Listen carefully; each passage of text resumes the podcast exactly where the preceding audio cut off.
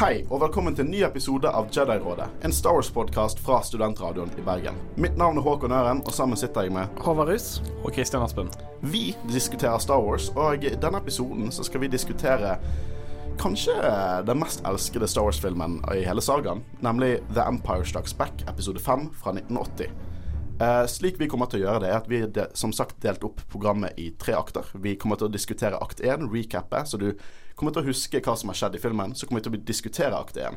Gå innom law og easter eggs, diskutere valgene karakterene gjør, og hvordan historien utfolder seg. Eh, recappe akt 2, og så diskutere akt 2, og så akt 3, osv. Er dere gutter klare for uh, denne episoden? Altså Selvfølgelig. Jeg elsker Star Wars. Jeg elsker Empire Strikes Back. Jeg har ikke noe, lyst til noe annet. Så bra du er på denne podkasten. Ja. Jeg er helt enig. Empire Strikes Back er min personlige favoritt i Star Wars, så jeg er veldig glad. Men uten å bable noe mer, eh, nå skal vi snakke om Star Wars episode 5, The Empire Strikes Back, fra 1980.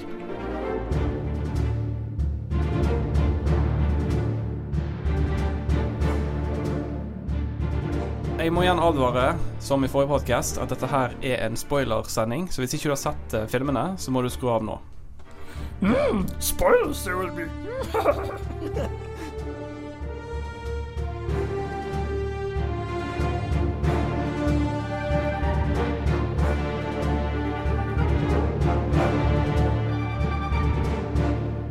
Jeg skal nå recappe act 1. Fortsetter historien tre år etter hendelsen i New Hope. Opprørsalliansen har etablert seg en ny base på planeten Hot. Luke er ute på patrulje, og han legger merke til en drone som har blitt sendt ut av Darth Vader til flere planeter i jakten på Luke. Etter å ha rapportert hva han har funnet, gir han beskjed til Han Solo at han vil etterforske stedet. Her blir han tatt til fange av en Wampa. Når Luke ikke rapporterer inn til basen igjen, rir Han Solo ut på en Tauntown igjen i redningsforsøk. Idet Luke våkner, befinner han seg i en hule hengende opp ned, hvor han ser Wampaen spise Tauntaun sin. Etter å ha befridd seg sjøl, kutter han av armen til Wampaen. Idet han vandrer i håp om å finne basen, kollapser han i snøen. Rett etterpå blir han av Force Ghost Obi-Wan Kenobi, som forteller at han skal reise til Dagobah-systemet og lære videre om kraften fra Jedi-masteren som trente han, Yoda. Etter at Obi-Wan forsvinner igjen, ser vi Han Solo komme ridende og finner Luke liggende bevisstløs. Gjennom en lang og kald natt ble det på morgendagen møtt av opprørspiloter som frakter de tilbake til basen. Nå kutter vi til Keiserriket, som introduseres denne filmen med herlig musikk fra John Williams. Darth Vader har fått beskjed om hva som har skjedd med dronen som ble sendt til Hot, og han er sikker på at det er opprørsalliansen. De setter kurs rett mot Hot og setter i angrep. Idet de ankommer Hot, blir første del av evakueringen sendt av gårde fra opprørsalliansen. Mens prinsesse Leia sørger for at evakueringen av basen fortsetter som den skal, setter hun også i gang et motangrep for å holde Keiserriket unna. Keiserrikets tropper blir for mye mot slutten at basen blir tatt over, men i siste liten klarer Han, Leia, Chewie og C-Tripio å komme seg unna på The Millennium Falcon. Luke på sin side tar med seg R2D2 i sin X-Wing og flyr vekk fra Hot.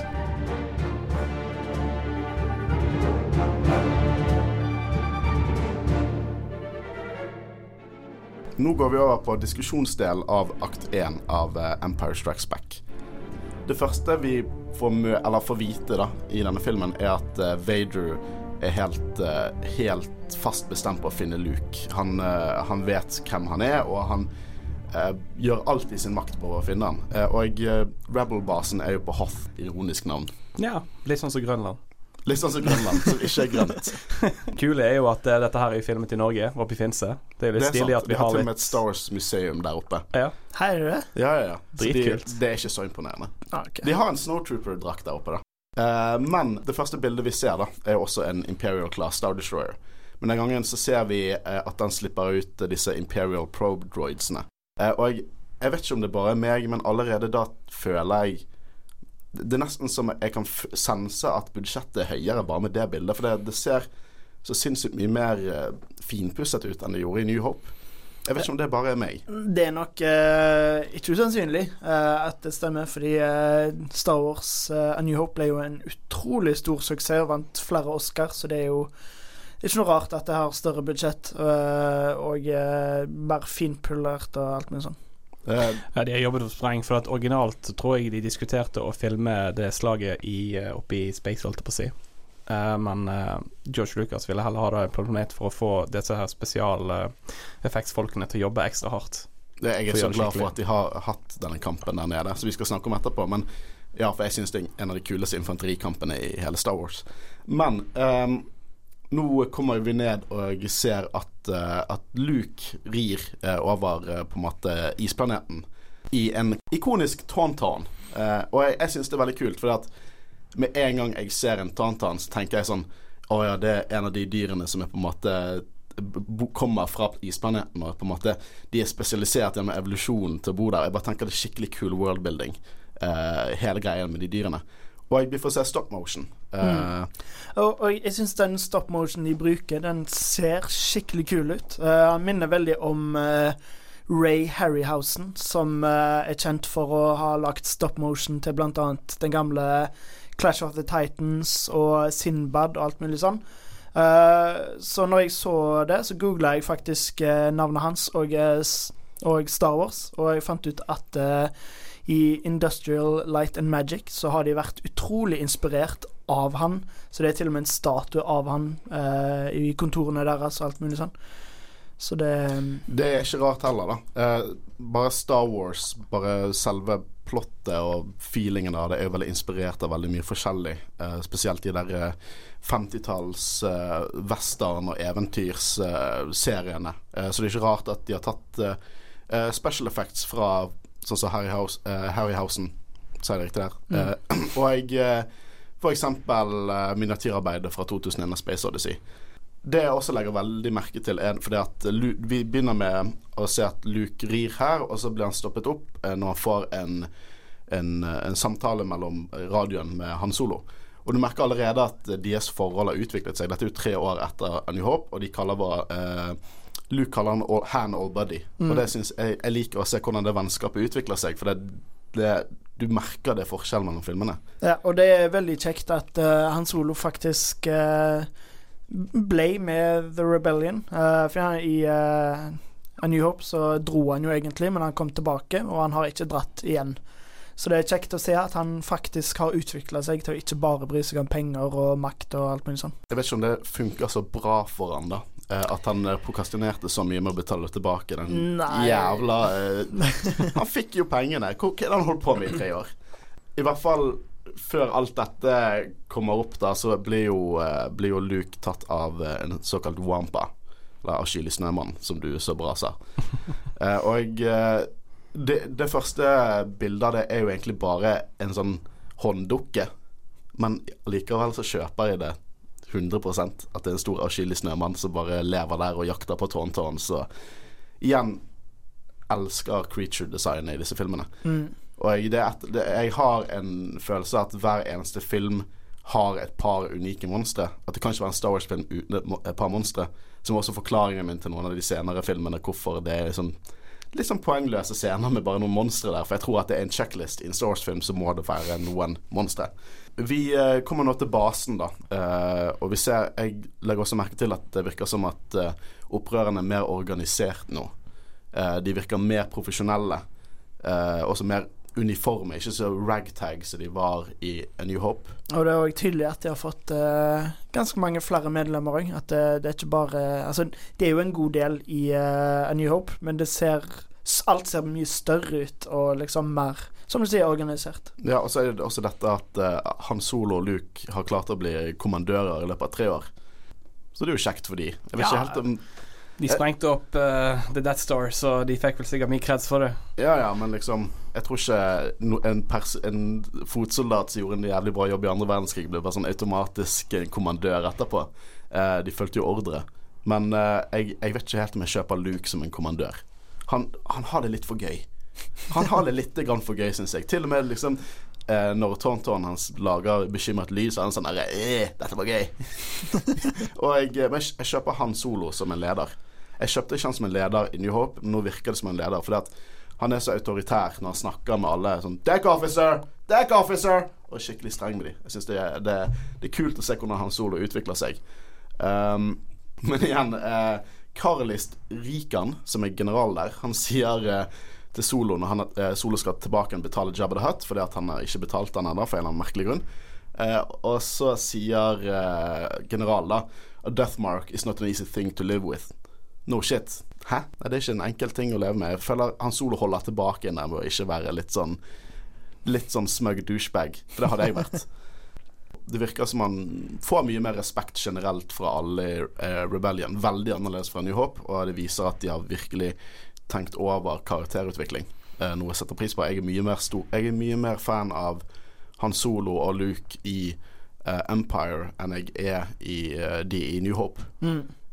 Men, og, det er òg tydelig at eh, Altså, vi får vite at ting har skjedd. Altså, det har gått tre år, og ting har skjedd. Sånn som uh, uh, Han Solo nevner liksom bare i en enkelt kommentar Ja, jeg merka det ble litt nære på når vi møtte den Bounty Hunteren på en eller annen planet. Pord Mental, tror jeg. Ja, sikkert. Så det er liksom Selv om de ikke sier ting rett ut, så er det liksom det er en levendes verden. Hero, det de, er, det er akkurat som de er så flinke på vi diskuterte i forrige episode med worldbuilding, og nå er det bare worldbuilding mellom episoder. Vi vet at ting har skjedd, vi vet at universet Eh, har gått videre, selv om vi ikke har sett alle hendelsene.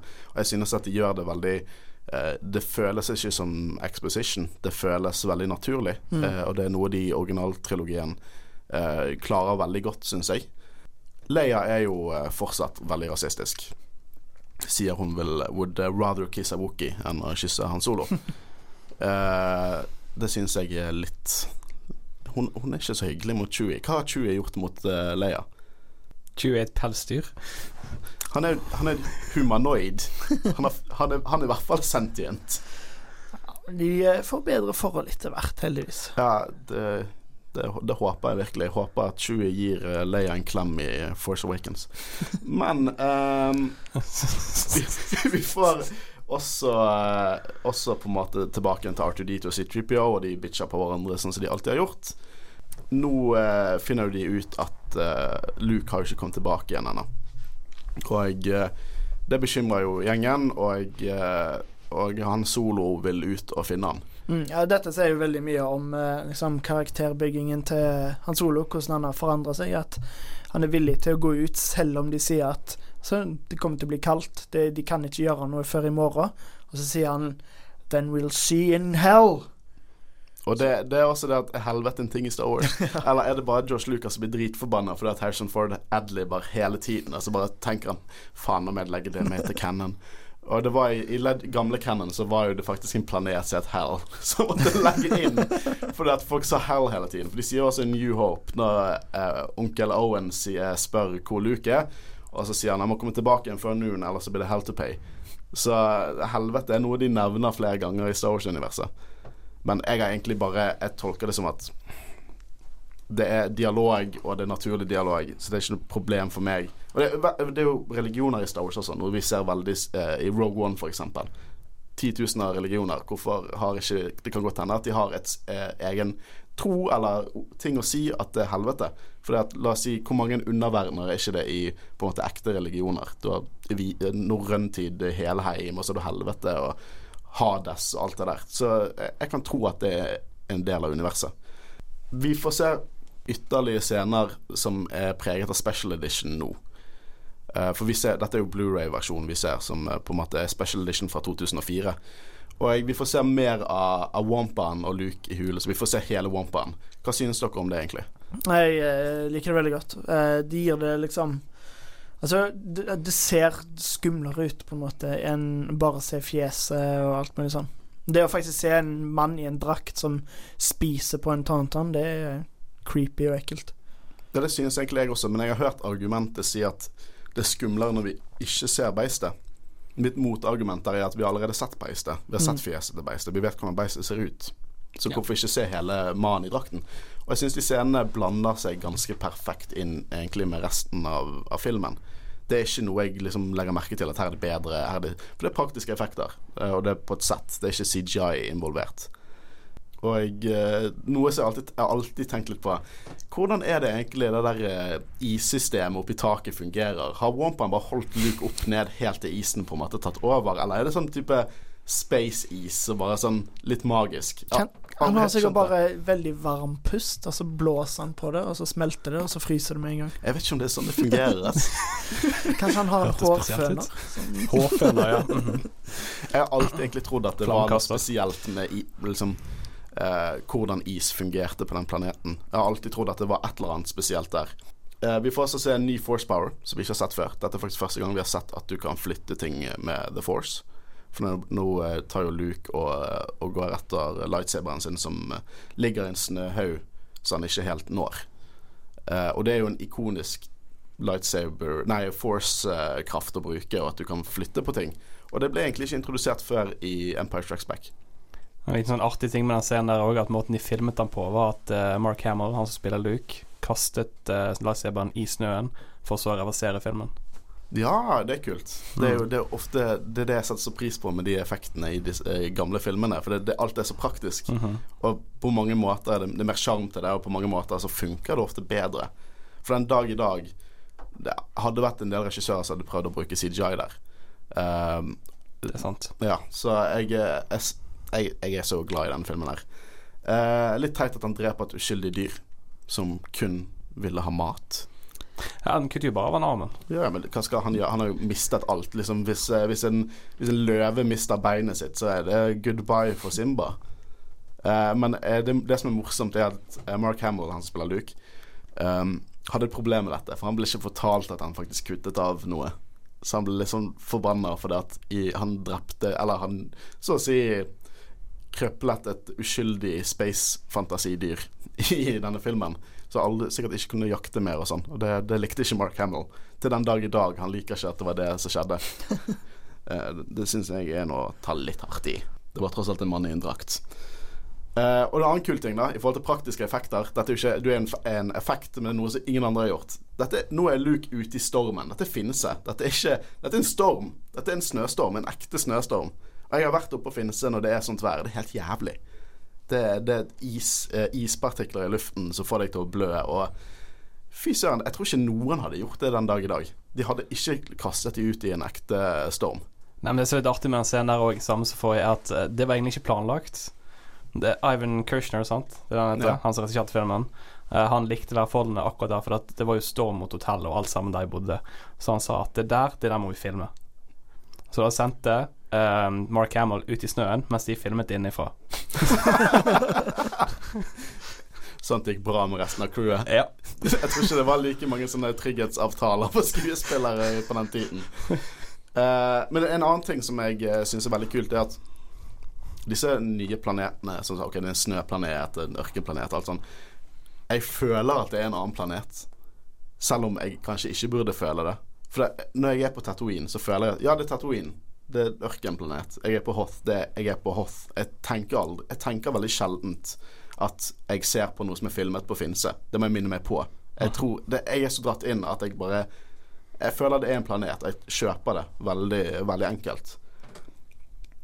Det er jo her vi får se Ben, eh, Obi-Wan, komme tilbake som Force Ghost. Og det er første gang vi får se uh, Force Ghost. Vi har hørt han snakke etter han døde i New Hope, men det er første gang vi får se et Force Ghost. Eh, og han er jo Han sier jo ikke så mye. Han sier 'jo da, det går bra'. Go get. Uh, Take the first flight. ja, men det var Han kunne forklart litt grann mer. Han hadde sikkert ikke tid. Har jo tid. Vi vet jo hvordan Force Ghost fungerer. Obi-Wan er bare en shady dude, ass. Nei, men han Men altså, Han Solo kommer jo rett etterpå. Kan ikke vise seg for Han Solo òg.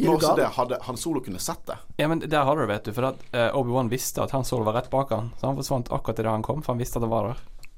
Ja, men han kunne gitt han litt mer informasjon der.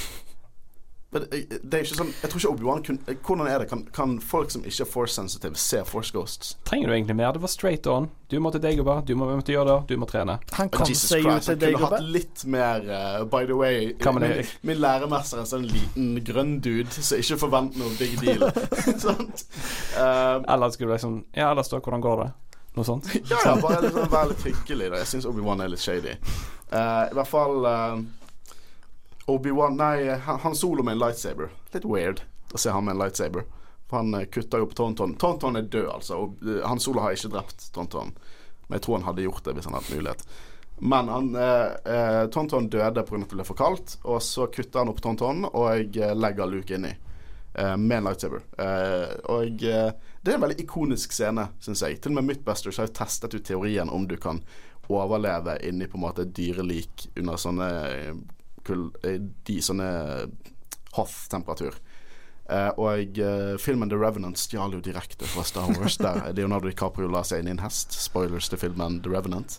Vet vi nøyaktig hva temperaturen var når de spilte inn? Eh, det er jeg usikker på, Eh, men det var nok kraftig ned i minusgradene, vil jeg tro. Ja.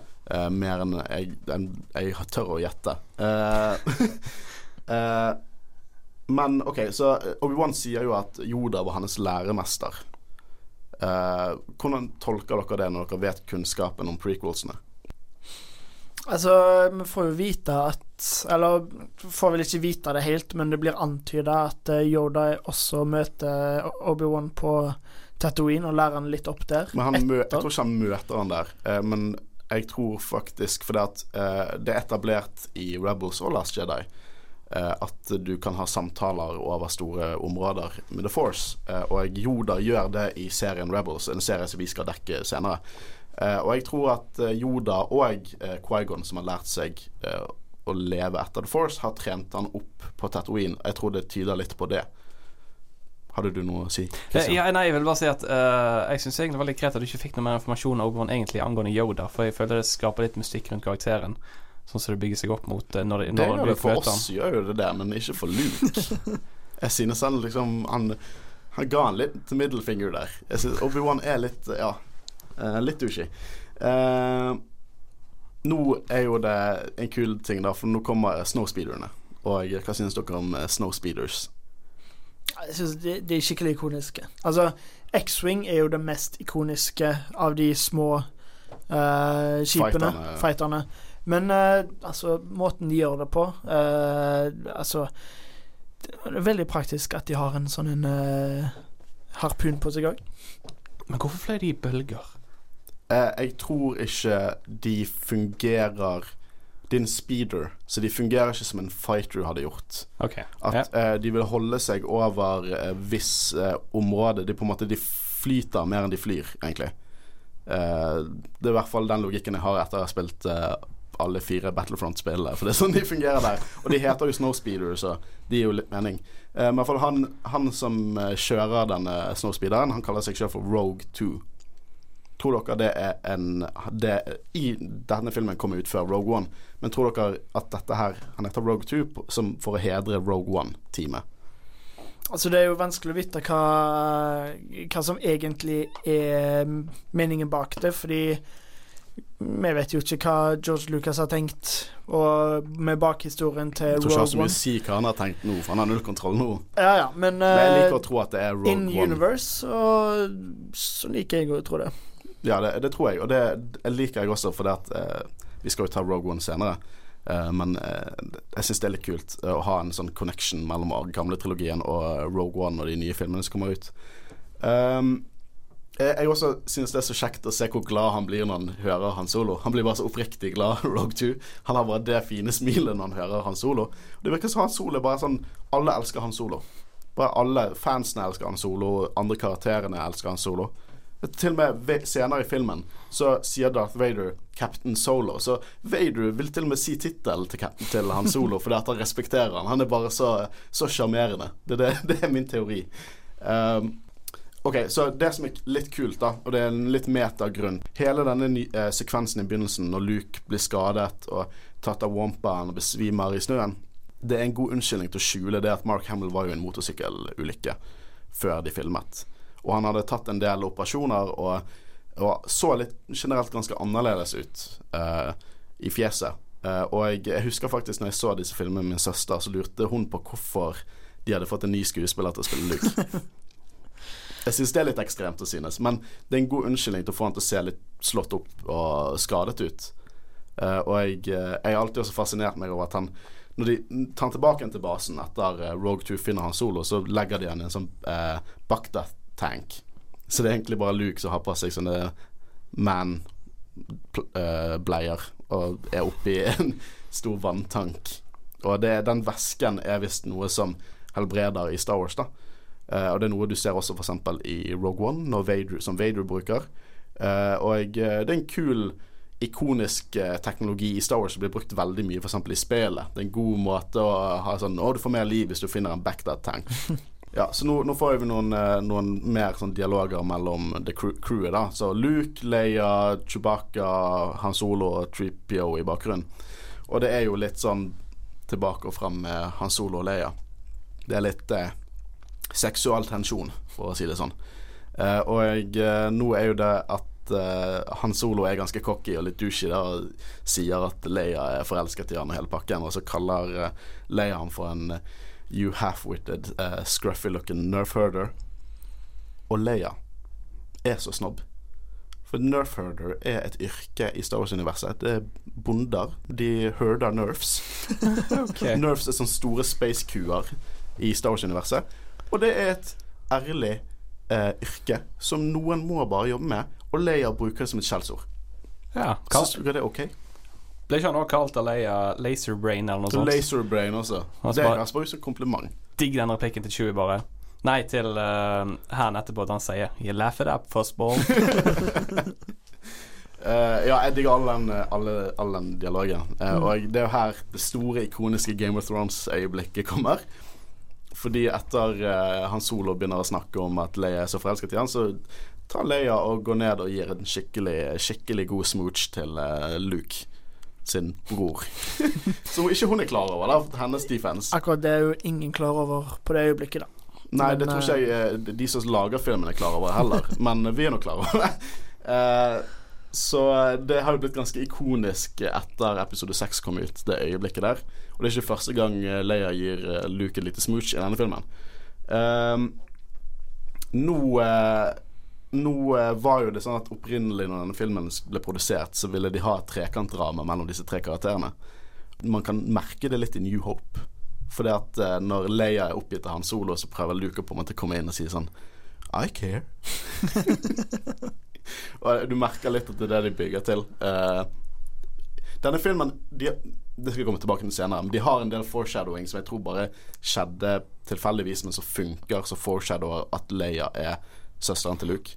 Eh, spesielt i siste akt, men det tar vi inn i siste akt. Beklager. Eh, nå eh, kommer vi eh, frem til denne probe-droiden, da. Eh, C-Tripio kjenner ikke til eh, dialekten, sier han, så han antar at det kan være noe Empire bruker, og det viser seg at ja, det er en Imperial eh, probe droid. Og nå får vi se enda en sinnssykt kul Imperial Star Destroyer eh, som ble overskygget av et nytt kjøretøy som bare er en 100 ganger større Super Star Destroyer, nemlig The Executor, eller The Executor. Det er en stor dia dialog mellom Eller krangel mellom fans hvordan man uttaler det.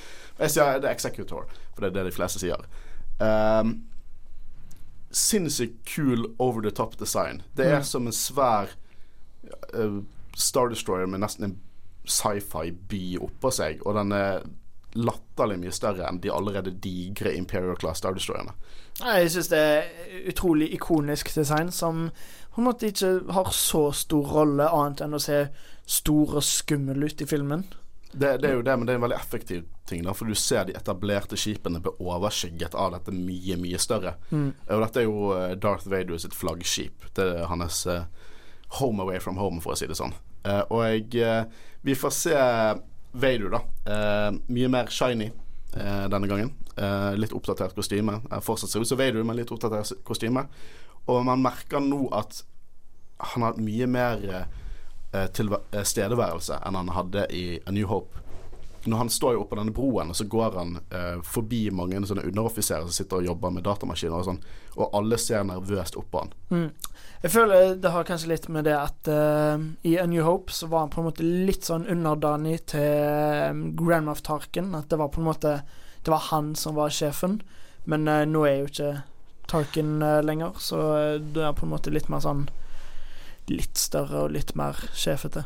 Og tatt litt mer kontroll over ting. Mm. Styre sitt ting på sin måte og kjøre skuter. Ja, og det, det er faktisk mange kule historier eh, om hvordan han kom seg opp der. Eh, fordi at eh, de nye Marvel-tegneseriene, spesielt eh, den første Darth Vader-serien, som er fire volum, eh, går veldig gjennom hvordan han gikk opp i gradene mellom episode fire og fem. Og det er også ting vi har tenkt å dekke senere. Uh, mye referanser og mye karakterer uh, fra filmene som er med der, og fantastisk skrevet uh, Darth Vader. Men det skal vi ta senere, i kanskje neste år. Men i hvert fall, nå går han fram til, til Power of- dumme Imperial-offiserer, nemlig eh, admiral eh, Ossel. Eh, og han er en sånn klassisk Imperial-offiser, sånn cocky ikke, Han er litt sånn Han respekterer ikke Vader helt og snakker litt til Vader som han er barn, egentlig. Og eh, helt til eh, Captain Piet sier at eh, dette bør sjekkes, for de har sett et bilde av Hoth med en skjoldgenerator, og Vader er sikker på at det er der Skywalker og opprørerne er. Nå får vi også se General Veers, som jeg liker veldig godt. Eh, og det er samme skuespiller som spilte Grandmaster Pycelle i Game of Thrones, og en av nazistskurkene i Indiana Jones. Han er virkelig en kameleon når det gjelder skuespiller, og han spiller en av de mer eh, respekterte offiserene som har skikkelig han, skikkelig, han, har respekten til Vader. Han, gjør, eh, han er veldig bevisst han gjør det. Til og med når, senere i filmen, når han lander og har egentlig ikke klart målet sitt ennå, men han sier til Vader du kan starte landingen din, for denne, uh, denne basen kommer til å bli tatt i løpet av et par minutter, og han klarer det. og det er kult å se noen sånne badass offiserer. Litt, han er litt, jeg får litt sånn Tarkin-vibes fra han på at den skal være mer med i filmen. da Vi ser jo mer i forhold til, eh, til eh, opprørerne nå. For de har jo funnet ut at eh, keiserriket er på, på hele deres. Og det jeg tenkte veldig godt, for nå får du se disse matt-maleriene, mattemaleriene, jeg vet ikke hva det, som de bruker i bakgrunnen for å på en måte lage settdesignet. Og det er bare malerier av skip og bygninger. Men jeg syns det funker så bra. Det ser så ekte ut, syns jeg. Eh, og jeg, jeg, setter virkelig pris på det. De, de, brukte det mye i New Hope, og de bruker det enda mer i Empire Strikes Back. Og det gjør bare at hvis jeg hadde hatt mer av det på Javin 4 i New Hope, så tror jeg at jeg har vært mer imponert over Javin 4. Uh, eh, for jeg synes filmen falt litt, Jeg likte ikke så godt Javin 4-scenene i New Hope. Uh, men de har brukt mye mer fokus på sånt da uh, mm. i denne filmen. Og det er noe som de ikke bruker så mye i den dag i dag. spesielt uh, pga. CJI ikke faktisk blander godt inn med det, og, og så videre. Nå eh, begynner jo opprørerne å gjøre seg klar, eh, og jeg skal dra, og Luke eh, snakker og er optim optimistisk til droiden, og droiden sier 'lykke til, sir'. Hele pakken går han ut til Chewbacca og begynner å klø han under haken som en hund. Ja, jeg liker den scenen skikkelig godt. Skikkelig koselig. Jeg har lyst på en Chewbacca. Det er ikke det, og du er en del av problemet. Chewbacca blir jo de har ingen respekt han. De tror han er bare et dyr. Altså, Tror du ikke han liker å bli klappa en gang iblant? Nei, for det, når det skjer, når Luke kommer bort til klørne, så lander han seg bakover så, og så tar han ut armene sine sånn Hva faen er det du holder på med? og så etterpå så gir han en klem til Luke. Sånn Det er sånn du skal gjøre det. Behandle meg sånn. Det er sånn jeg tolker den scenen. Jævla Lukas. han er så arrogant.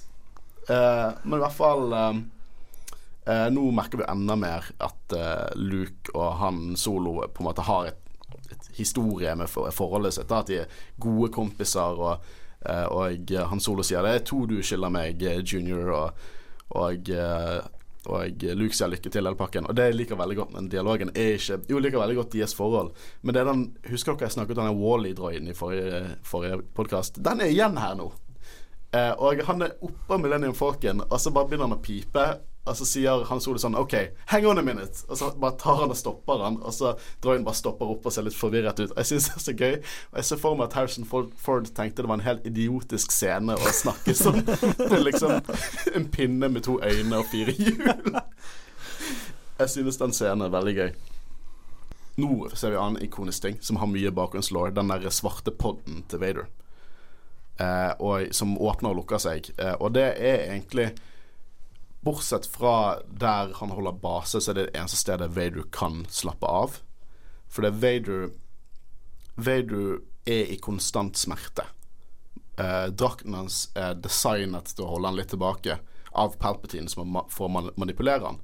Eh, og eh, spesielt dette med smerte og sånn. Eh, og dette er det eneste stedet han kan ta av seg drakten og føle seg litt komfortabel inni dette her. Så den betyr mye for Vader. Og eh, nå er jo det det at vi ser eh, Piet komme inn, og, ser, og, du ser at Vader sin hjelm faller ned på hodet hans. Og eh, du ser at det er noe bak masken. Det er noe menneskelig bak masken. Noe fucked up, men menneskelig bak masken. Mm. Eh, jeg liker den scenen skikkelig godt, fordi eh, altså, vi har jo på en måte antatt at Vader er et menneske, uh, men vi har ikke fått det bekrefta. Uh, så det at vi faktisk ser liksom hodet hans og alt mulig sånt, det gir gir liksom noe nytt til karakteren. Uh, jeg må den, når, han, når du ser ham i eh, hodet, så er det faktisk litt senere i filmen. Men det er den ponten, i hvert fall. Du må bare unnskylde hvis det er noen som blir veldig sinte hvis vi ikke er veldig kronologiske. Uh, men det, hvis jeg kjenner Star Wars-fan, så finnes det folk som blir sinte. Ok, sinte jeg vil bare beklage. Um, På vegne av Jedi var det Jeg, jeg tror vi glemte å nevne Imperial March. Ja, Og det, altså, det er jo det mest ikoniske Ja, ja, ja. eh, Det er kanskje det i Star mest Wars-filmene. ikoniske Star Wars-musikken som finnes. Og det bare oser Star Wars. Vår, eh, vår intro-jingle, eh, som er laget av eh, Arild Øren Vanvik, min svoger, har tatt stor eh, inspirasjon. Det kan dere sikkert høre fra Imperial March. Eh, og jeg eh, virkelig digger den musikken. Det, det er så ikonisk. Og det er såpass ikonisk at når jeg ser New Hope, så savner jeg det. Jeg, jeg, får ikke like, jeg, jeg blir ikke like hypet på Empire når jeg ikke har Imperial March når jeg ser Empire der. Det er så fantastisk musikk. Og der uh, første gang vi får høre den musikken, er i den scenen når vi ser Wader for første gang i Empire Strikes Back opp mot skipet hans. Ja. Det er fantastisk. Uh, nå eh, får vi se en ting som har, hvis det har vært med i en ny film, så da det fått klikket vinkel. Og det er at eh, Vader eh, blir informert om at eh, det var Vears som kom opp, ikke Piet. Vears kom opp og sa at, eh, at de har kommet inn i atmosfæren til Hoth, og General Ossold dro ut av hyperspace for tidlig, for han ville overraske eh, opprørerne. Og eh, da sier Vader han er så dum som han er klumsete. Snur seg og får han opp på skjermen sin. Og eh, Ossold er jo veldig langt vekke fra Vader. Men Vader klarer å force-choke han mellom skip.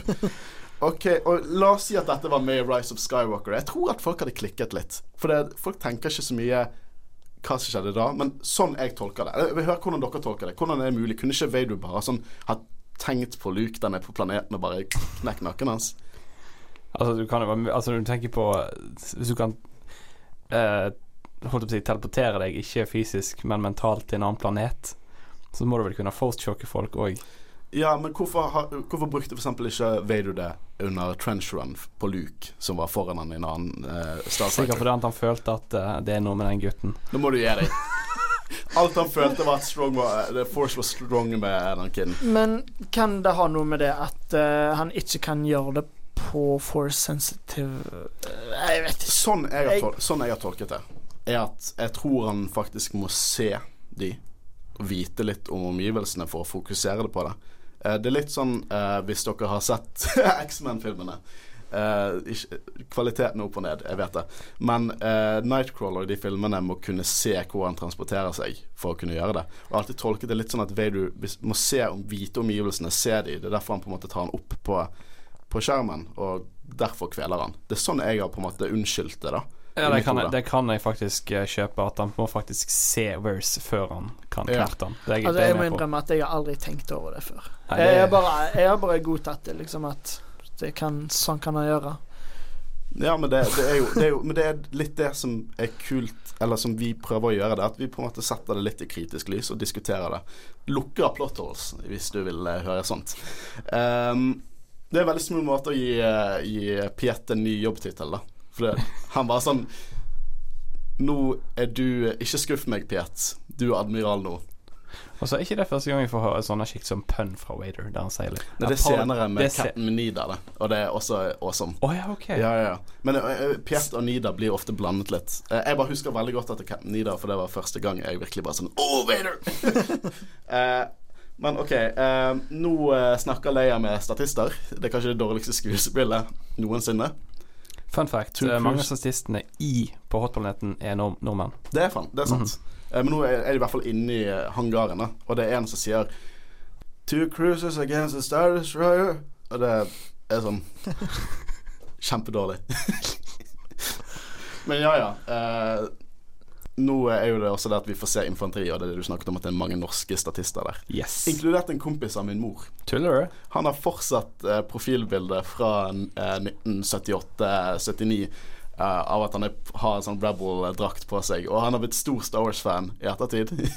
Ah, kult. Eh, så det er veldig gøy. Um, ja, igjen. Hoth-kampen er så kul. Ja, og det det er et par scener der som uh, minner veldig om uh, scenen i uh, Rogue One uh, på Scariff, uh, med 80, 80 der. Mm. Og altså det er jo ikke akkurat et veldig sånn hot take å si at Empire. Ja, altså det, det, det er ikke uvanlig å si at Empire er mørkere enn A New Hope. Nei, det er det, er liksom Vær litt original, Håvard. Poenget er at du ser faktisk det er mørkere. Det er eh, lik som ligger på bakken, og det er liksom Det er faktisk en skikkelig krig. Du føler at det er en krig, og ikke bare Det er space fights. og Legger mulig. Wars i Star Wars. Mm. Og faktisk så er jo det at uh, um, eh, Når de lagde Rogue One, så tenkte de hvor ikonisk Hoth-scenen var. Men så tenkte de også tilbake igjen. De trodde at den scenen varte så lenge, men den varer bare et par minutter. Mm. Men de ville lage en film der de hadde en hel sekvens som føltes som Hoth. Men mer om det når vi tar Rogue One. Ja, hvis Ja. ikke du har lyst til å si noe, da. Nei, ikke angående Rogue One, men jeg tenker på disse AT&T-ene. Um, hva syns dere egentlig om de? Jeg syns de er så kule og Ja, ja, skumle. altså, de, de er kule. De er, Praktisk de er sett er de helt ubrukelig. Men altså, jeg bare tenker, det må jo være altså, Sånn praktisk sett, det må jo være en av de verste eh, futuristiske kreasjonene som er laget i et et ja. univers. Det er store Altså- beist på lange, tynne bein. Det er liksom Det er jo ikke akkurat snakk er om en isplanet. Tenk om de hadde bare sklidd. Ja, men det er ikke akkurat snakk om effektivitet der. Det er jo sneglefart til luks. De kunne jo kommet seg raskere frem. Hadde de bare tatt uh, Kjør på med skip, liksom. TIE ja, ja. Fighters. Du De burde tatt en X-Wing Nei, en Starfighter inni. Det Altså, kunne det de ikke ikke gjøre. Det jeg også tenker der, er jo det at uh, skjoldet var oppe, så de kanskje det var den eneste muligheten de hadde til å plassere infanteri på bakken. For det er en grunn til at Vader ikke kan starte landingen sin før de har knust uh, Men- skildgeneratoren. Hvorfor må de lande de så langt vekke? Det er bare fordi det skal se kult ut. Vi kommer til å snakke om dette i Rogue One også. Det er bare fordi de skal ha en kul Ja, ja, landing. ja, Men altså, hvis de ikke kan lande, hvordan kom uh, AT-AT-ene på bakken? Jeg vet at i Cannon så er det en må eh, deal at AT-AT-er kan bevege seg gjennom skjold. Eh, også fordi at de beveger seg så sakte. Så de kunne lande utenfor skjoldet og gå inn, liksom? Eh, ja, det, det er sånn det er. For jeg tror ikke det var planet Var det et i skjold? Det kan godt hende det var det. Jeg vet ikke helt detaljene der. Det kan hende lite plot holes. Men jeg vet at AT-AT-er fungerer godt imot skjold eh, i etablert Cannon. Og de gjør noe lignende i Rebels, eh, faktisk. Eh, ja, jeg skal bare si Jeg har ikke så mye kritisk å si egentlig om Empire Strikes Back, men uh, de der AT&T-ene syns de var veldig upraktiske. Men hvorfor i all verden, når Rebels går til angrep, hvorfor skyter de de forfra? Rebels er jo ikke så trent. ja, det, det er jo også tenker de har jo ikke noe Det ser jo ikke ut som de har sidekanoner. Nei, de har Hva skal de gjøre hvis, hvis de så spiller? Kan de bare hovre bakpå ræven til det 80-80-ene? Så er det ingen Altså, hva faen? Klarer ikke snu meg. Jeg husker da jeg var liten, kalt, jeg og kompisene mine kalte det elefanter. Vi syntes det minnet om elefanter, hvordan de var sånn store og fire bein og på en måte bevegde seg litt sakte.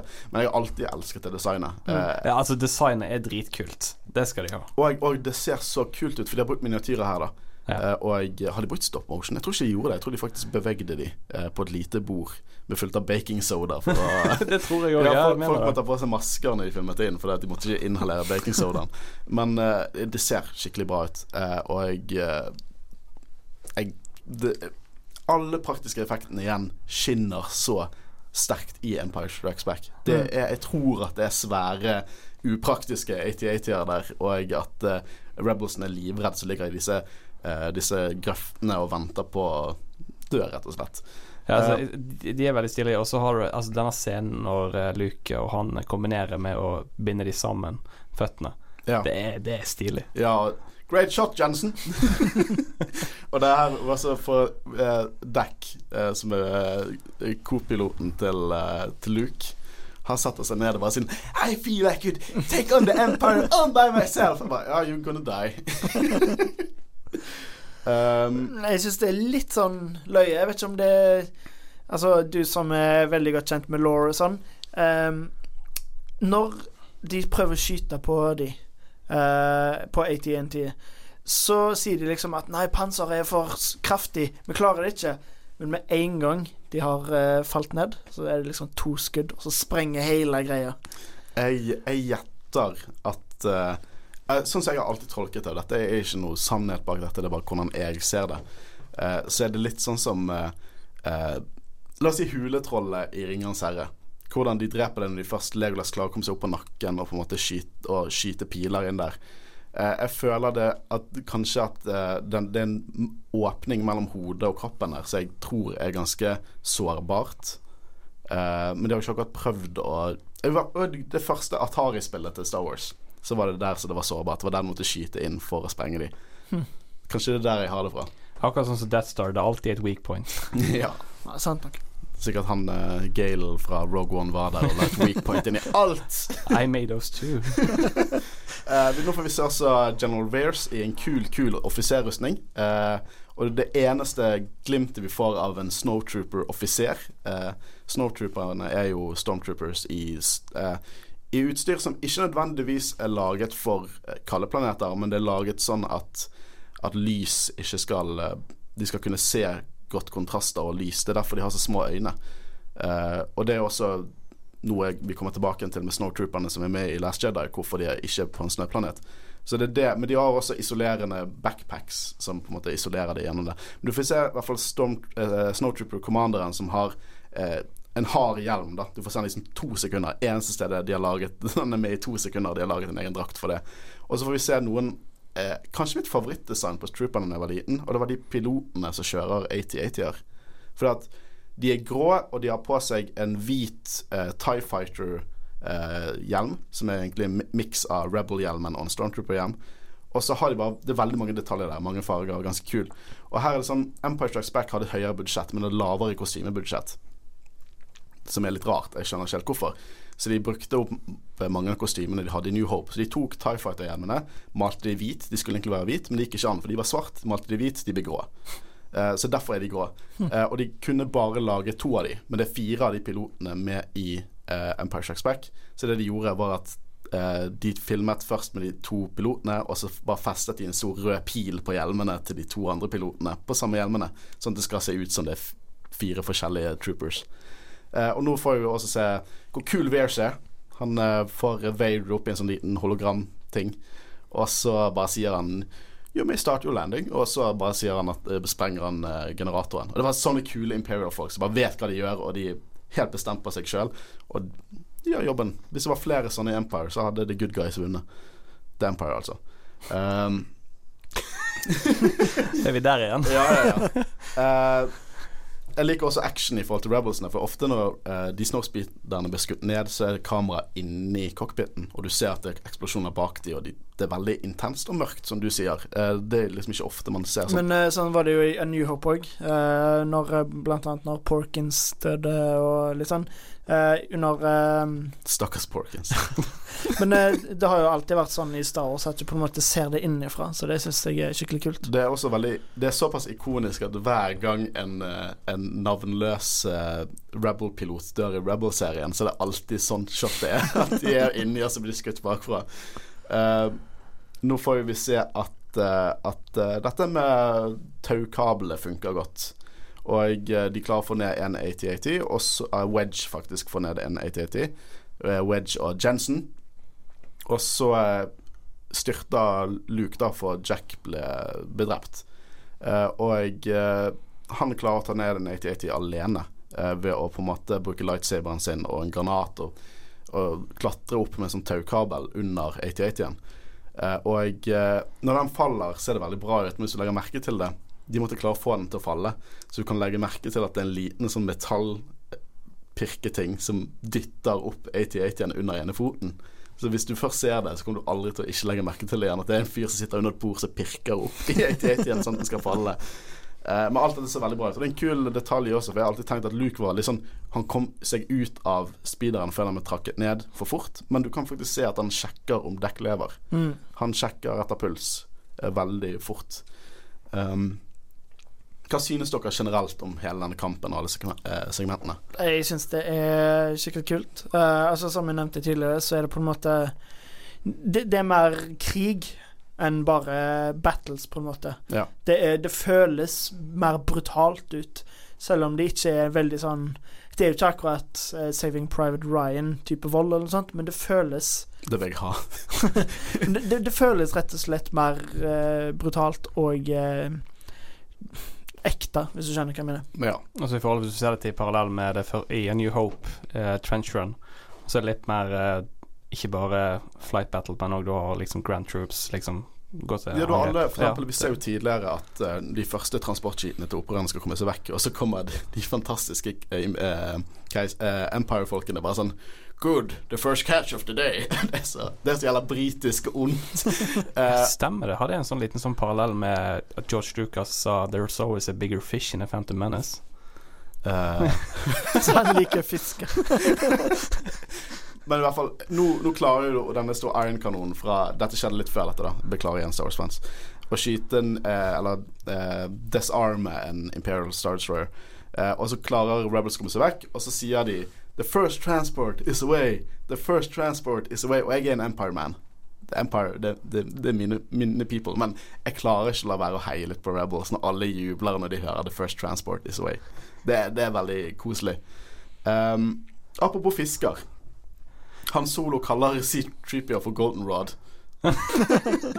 Stemmer det. Jeg tror enda et sted eh, der eh, Josh Lucas sånn Faen, adlibbingen til Harrison Ford. Nå må jeg ta det med i canon, altså. Vi skal i hvert fall begynne på uh, recappe akt to, og så blir det mer diskusjon etter eh, den lille recapen.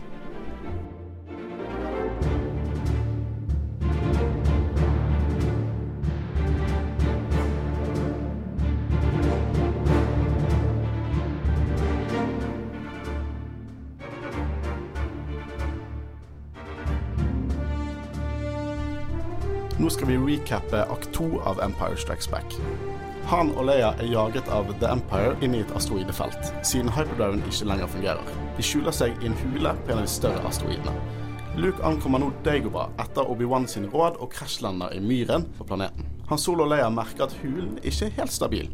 Han og Leia begynner også å vise at de kanskje har følelser for hverandre, og, og eh, C-3PO kommer og ødelegger litt. Eh, Luke møter en rar liten alien som viser seg å være den store jedi-mesteren Yoda. Imperiet er fortsatt ute etter folken helt til keiseren tar kontakt med Vader. Vader kommuniserer med keiseren, men spiller ignorant i forhold til hvem Luke er. Han er allerede bevisst på dette. Keiseren og Vader diskuterer om Luke kan vendes til den mørke siden av kraften. Deres konklusjon er at han kommer til å vendes eller dø. Yoda er motvillig til å trene Luke på Degova. Imens prøver Empire å bombe ut The Falcon fra hulen. En hule som viser seg å være en baselug. Yoda fortsetter treningen til Luke. Det forklarer også forskjellen mellom light og dark side. Luke er nå nervøs over fristelsen til the dark side og er usikker på om han kommer til å vite forskjellen når han først møter på det. Det er her Luke føler en tiltrekning inn til en hule. En hule med sterk tilknytning til the dark side of the force. Han får en visjon av et møte med Vader og dreper denne skikkelsen. Vader sin maske blir knust og viser Luke sitt ansikt. Hva betyr dette? I mellomtiden hyrer Vader til sine offiserer sin motvillighet dusørjegere for å fange Millennium-folken. The Folken har fortsatt ikke en hyperdrive som fungerer, og finner ut at de må skjule seg på toppen av en Star Destroyer. Mens er Luke fortsatt på Dagobah og trener. Han ble avbrutt av treneren når han ser at X-Wingen, som har krasjet i myren, begynner å synke. Han føler seg nå fanget på Dagobah. Eller er han? Luke får ikke til å bruke kraften til å løfte X-Wingen. Jo, derimot løfter han lett. Han og Leia lurer seg forbi The Empire og drar mot Bespin, hvor han har en gammel venn. Bobafett følger etter i skjul en av dusørjegerne som Vader har hyret. Imens får Luke en visjon av at han og Leia er i smerte og i fare blant skyene.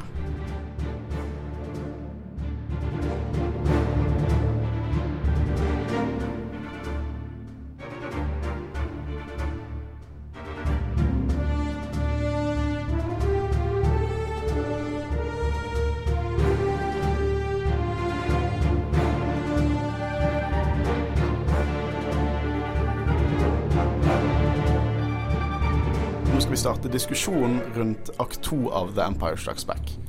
Uh, nå ser vi at det er en eh, heit eh, jakt uh, av The Empire med, som jakter på uh, Millennium Falcon med Han Solo, Leia, Chewbacca og 3PO eh, ikke så trygt inni. Og her fucker Empire godt opp. Dette er svære Star Destroyers, og det lille skipet klarer å få dem til å kollidere. Det tenkte jeg jo på når jeg så det. Altså, det gir ikke mening. Det, det, det, det er så teit, og eh, Og så brøler de ut 'Make evasive maneuvers!' Akkurat som de ikke hadde gjort det på forhånd. Altså. De ser jo hverandre komme på lang avstand. Uh, så ja, det er ikke Jeg tror ikke de står for The Empire Strikes Back i uh, tittelen, altså. Nå eh, får vi se den annen motivator ikke lenger er motivert. eh, Og det er motivatoren i eh, hyperdriven, altså maskinen som klarer å få skip inn i lightspeed. Det er ganske mange motivators i Star Wars-universet. ja, de, ja, de, som er veldig dårlig motivert. Vi hører bare om de når de ikke er motivert. Eh, så Luke Nei, Han Solo og Leia og co. De er jo stuck nå med keiserriket hele. Eh, og nå slipper jo Empire TIE Fighters. Jeg føler ikke vi snakket nok om designet på TIE Fighters eh, i forrige episode. For jeg synes OK, designet er kjempekult, jeg digger det. Men lyden Jeg tror det er min favorittlyd fra Star Wars. Den er Jeg syns det er helt fantastisk. Jeg, jeg vil heller bytte ut lightsaber-lyden. Hvis jeg måtte velge én, så vil jeg heller ha TIE Fighter-lyden. Jeg synes den er så kul. Eh, og jeg eh, Så er jo det at hvis jeg hadde vært i The Empire hadde ikke hatt lyst til å være en TIE Fighter-pilot. De dør jo i hytt og pine. De, det er jo så dårlig konstruksjon på de skipene. Ja, men det samme greiene med at Stormtroopers ikke kan skyte. De kan ikke fly heller. Ja, det er sant. eh, men i, i Legends er det ikke Cannon lenger. Men jeg likte den detaljen. Så kalte de an vanlige stormtrooperne kalte TIE Fighter-piloter for coffin jock jockeys. Så de bare De, de, var, de red coffins, for de visste at de kom til å dø. For det, det var så dårlig konstruksjon på de TIE Fighterne. Um, nå eh, finner jo også Luke og Nei, han og Leia denne hulen på en av de store asteroidene. Og du merker at det er noe dystert, for musikken går fra litt sånn happy, litt sånn Star Wars, eh, Millennium Falcon flyr og eh, slipper unna Empire, til å på en måte bli dyster når de går inn i mørket. For det viser seg at her er jo The Space Slug som eh, henger til. Um, men de har også bytta scene nå til at Luke ankommer Dagobah. Den planeten er kanskje Jeg føler det også viser veldig budsjettet på Empire Strikes Back i forhold til A New Hope. For jeg føler at de er en, en sump, og at det er på en farlig planet. Men det er jo bare et studio. Men det ser så bra ut med vann og eh, praktiske effekter på sjødyrene som creeper meg the fuck out eh, når Arthur blir spist av et sjømonster. Ja, det går fint med han. da. Nei, Jeg syns det er litt morsomt, fordi noe av det siste Luke sier til R2 før de lander, er liksom I'm sure it's safe for droids. uh, så akkurat som Arrested Development. Det mangler bare Ron Howard til å si It wasn't. Og de spøkene skal i hvert fall komme frem til Ron Howard solo av Star Wars Story. um, det er nå vi får denne her eh, reveal av uh, Vader sitt, eh, sitt At det er menneskeunder med Piet. Eh, og det, Vi har jo snakket litt om det med Vader hele tiden føler smerte. Han bruker, kraft, uh, bruker drakten og smerten til å egentlig bli sterkere i The Dark Side of the Force. Uh, Palpatine vil egentlig at han skal ha en ny drakt som gjør han bedre, men han er mye mektigere enn denne drakten som bare gjør at han får smerte, så han kan på en måte konsentrere seg på the dark side. Eh, men hvis det er én ting Vader hater, så er det hvis folk finner ut at det er et eller annet bak den masken. Det har skjedd i Cannon at Stormtroopers har skal løpe og si noe til han, han har ikke på seg hjelmen, og så har han bare drept dem. Så Piet er ganske heldig her. Eh, han har blitt admiral, og kommer han inn og avbryter Vader mens han tar på seg masken, som, eller hjelmen, da, som går ned over hodet hans. Så jeg tror Piet skal være ganske heldig. Det er ikke første gang han slipper unna sinnet til Vader i denne filmen. Eh, og eh, nå får vi på en måte litt den cheesy humoren som alltid er i Star Wars, egentlig. Er nok, eh, nok en unnskyldning for Last Jedi. Vi bare teaser litt uh, hvor aggressiv den sendingen kommer til å være. Uh, Yoda dukker opp. Uh, eller vi vet jo ikke Eller Luke vet jo ikke at det er Yoda ennå, men uh, vi hørte jo stemmen til Håvard tidligere, og det er i hvert fall like cheesy som Yoda er. Han er liksom en Sesame Street-karakter. puppet. Eh, og Det er jo eh, fantastisk spilt av Frank Osta. Ja, altså, han føles veldig levende ut, selv om Han det er en dokke. Og du ser den en dukke, men allikevel så det liksom, du har små hår på han, og rynkene og alt. Og bevegelsen Det ser ut som det er en dukke, men ikke, det er en del av sjarmen. Jeg synes det jeg, jeg har ikke så mye imot CGI-Yoda i prequelsene. Det er ikke det som plager meg mest med prequelsene, men uh, du slår ikke praktisk Yoda. Det gjør du ikke. Men jeg lurer egentlig på hva publikum i 1980 trodde. Fordi altså, nå er jo Yoda en av de mest kjente karakterene Kanskje den fra mest Star Wars. kjente Star Wars-karakteren. Mest sitert i hvert fall. Do or do not. Like, Jeg lurer på hva de trodde når de så den en sånn liten grønn jævel som stjeler maten og alt mulig sånn. Uh, jeg, jeg skal si hva jeg synes første gang jeg så denne filmen. For dette er den første originaltrilogi Star Wars-filmen jeg så. Den andre filmen jeg så eh, totalt i Star Wars-sagaen. Og jeg synes det var kjempeteit. Jeg, synes, jeg bare What? dette, dette er så barnehumor, tenkte jeg. Uh, har, jeg, jeg synes ikke det lenger, for det er jo en del av plottet at han skal på en måte Han skal teste Luke litt ut og se han Og Luke gjør jo all- alle de verste greiene. Han er whiny. 'Å, du roter bare til.' uh, og så når um, Yoda begynner å spise på det som alltid har sett ut som en Twix-sjokolade, synes jeg. En hvit Twix-sjokolade. Alltid det jeg tolket at det var. Uh, så blir han sinna og kaster han vekk. Han vil ikke gi han lampen. Um, R2 eh, burde jo vite hvem Yoda er. Han husker alt fra prequelsene. Faktisk i Clone Wars så har R2 vært på den planeten med Yoda. Men eh, Så nå har jeg nesten et argument for at R2 ikke er sentient. Han bare driter litt i de detaljene. Han sier ikke noe om alle hemmelighetene til universet, fordi at ingen spør han. Det er sånn Hvis ikke jeg spør Siri, så vil jo ikke hun gi meg lokasjonen nærmeste Dominos. Det er liksom uh, Hun bare holder det skjult, da. Det er nesten sånn jeg lurer litt på om R2 er på, det, på den måten. For han prøver å ta lampen fra Yoda, og Yoda driver og kødder med han. Eller hvis kanskje Arthur ikke kjenner han igjen. Kanskje han tror det bare er en samme rase. Fordi at eh, han oppfører seg ikke som Yoda egentlig skal oppføre seg. Hvem vet? Det kan godt hende Han har det vært isolert på Dagobah i uh, hvor mange Ja, det, det har sikkert litt med det å gjøre òg, da. At han ikke har kontakt. Ja, men han er 900 år gammel. Hvis han er 19 år på en sånn planet, han burde faen meg takle det litt. Det er jo ingenting. Det er som at jeg skal reise til Trøndelag i to uker. Men så er det litt kult òg i forhold til at han er jo liten, grønn, litt vesen. Sant? At han er liksom vært en av de største Jedi-mesterne som eksisterer. Det er litt sånn kult. Ja, og um, veldig rart at han ikke klarer skikkelig ordforråd eller setningsoppbygging på så lang tid. Ja, det er det jeg syns gjør den karakteren litt ikonisk òg. Måten han snakker på. Og jeg synes det er så bra at uh, de gjør rasen hans, for det, det er den eneste rasen i Star Wars-universet nå som ikke har definert rase. Rasen heter bare Yodas race, uh, fordi de vil holde det mystisk. Og jeg, i gamle canon, noe jeg ikke likte, eh, liksom det som er Legends nå, så introduserte de andre i f.eks. Nights of the Old Republic, introduserte de andre eh, aliens i rasen til Yoda som var, som var Jedi, for det er en force-sensitive rase. Eh, og de hadde helt perfekt setningsoppbygging. Så de bare skiter på Yoda. Da. Han er bare dum. Er liksom, han er den dumme dummingen av sin rase. Og ja, det er en av tingene som jeg ikke likte med Legends kontinuitet, fordi at ofte så dret de litt på andre karakterer når de på en måte introduserte nye. Men han er vel den siste av sin sivilisasjon, ikke han? Det vet uh, Det vet vi ingenting. Antar vi egentlig. Men jeg vet Ja. at uh, Yaddle i episode 1 er samme rase. Men jeg, jeg har lest rykter, det er bare rykter, da, men at det skal komme en prequel-film som beskriver Det litt har- mer yoga. ja. Så det hadde jo Jeg vet ikke om jeg helt vil ha det, egentlig. Men jeg, jeg, kommer, til å være, altså- jeg kommer til å være førstemann i køen. Ja. men det er ikke helt Samme det. Um, ja, altså her får vi se eneste gang vi får se en droid som faktisk lades opp. Jo, eh, Arthur må bli ladet opp. Så det gir jo mening, men det er litt kult at vi faktisk får se hvordan det fungerer. Han har med seg en lampe som lampen han kobler til han, og så lades han opp. Litt eh, lite praktisk med at den lampen skal utgi lys mens han gjør det. Altså, veldig mye lys, men eh, det er noen ting. Jeg hopper tilbake til uh, Millennium Falcon. Eh, han Solo eh, sier han er nice man til eh, Leia, og de begynner å ne nesten kysse. Mens, de prøver, mens C-3PO og Chewbacca og hele gjengen prøver å fikse hyperdriven. Ja, Det er vel ikke bare nesten et kyss. De, det er vel en full smooch, er det ikke det? Uh, Nei, kom ikke Chewie eller C-3PO. C-3PO kommer inn og kokkblokker han Solo til de grader. Og det blikket han får etterpå av Han Han sier 'thank you', 'thank you very much'. Åh, det, jeg elsker C-3PO i sånne, eh, sånne situasjoner. Uh, og jeg um, Nå er det litt sånn easter eggs her, så vi kommer til å komme dypere inn når vi ser solofilmen, for der får du mer informasjon om hvordan det folken fungerer, og hvordan datamaskinen i det folken fungerer. For det C-3PO driver og diskuterer at det er en rar dialekt på, på det folken. Alt sånn. Dette kommer vi tilbake inn i den episoden. Bare husk akkurat dette her. I løpet av disse to timene husker jeg sa det.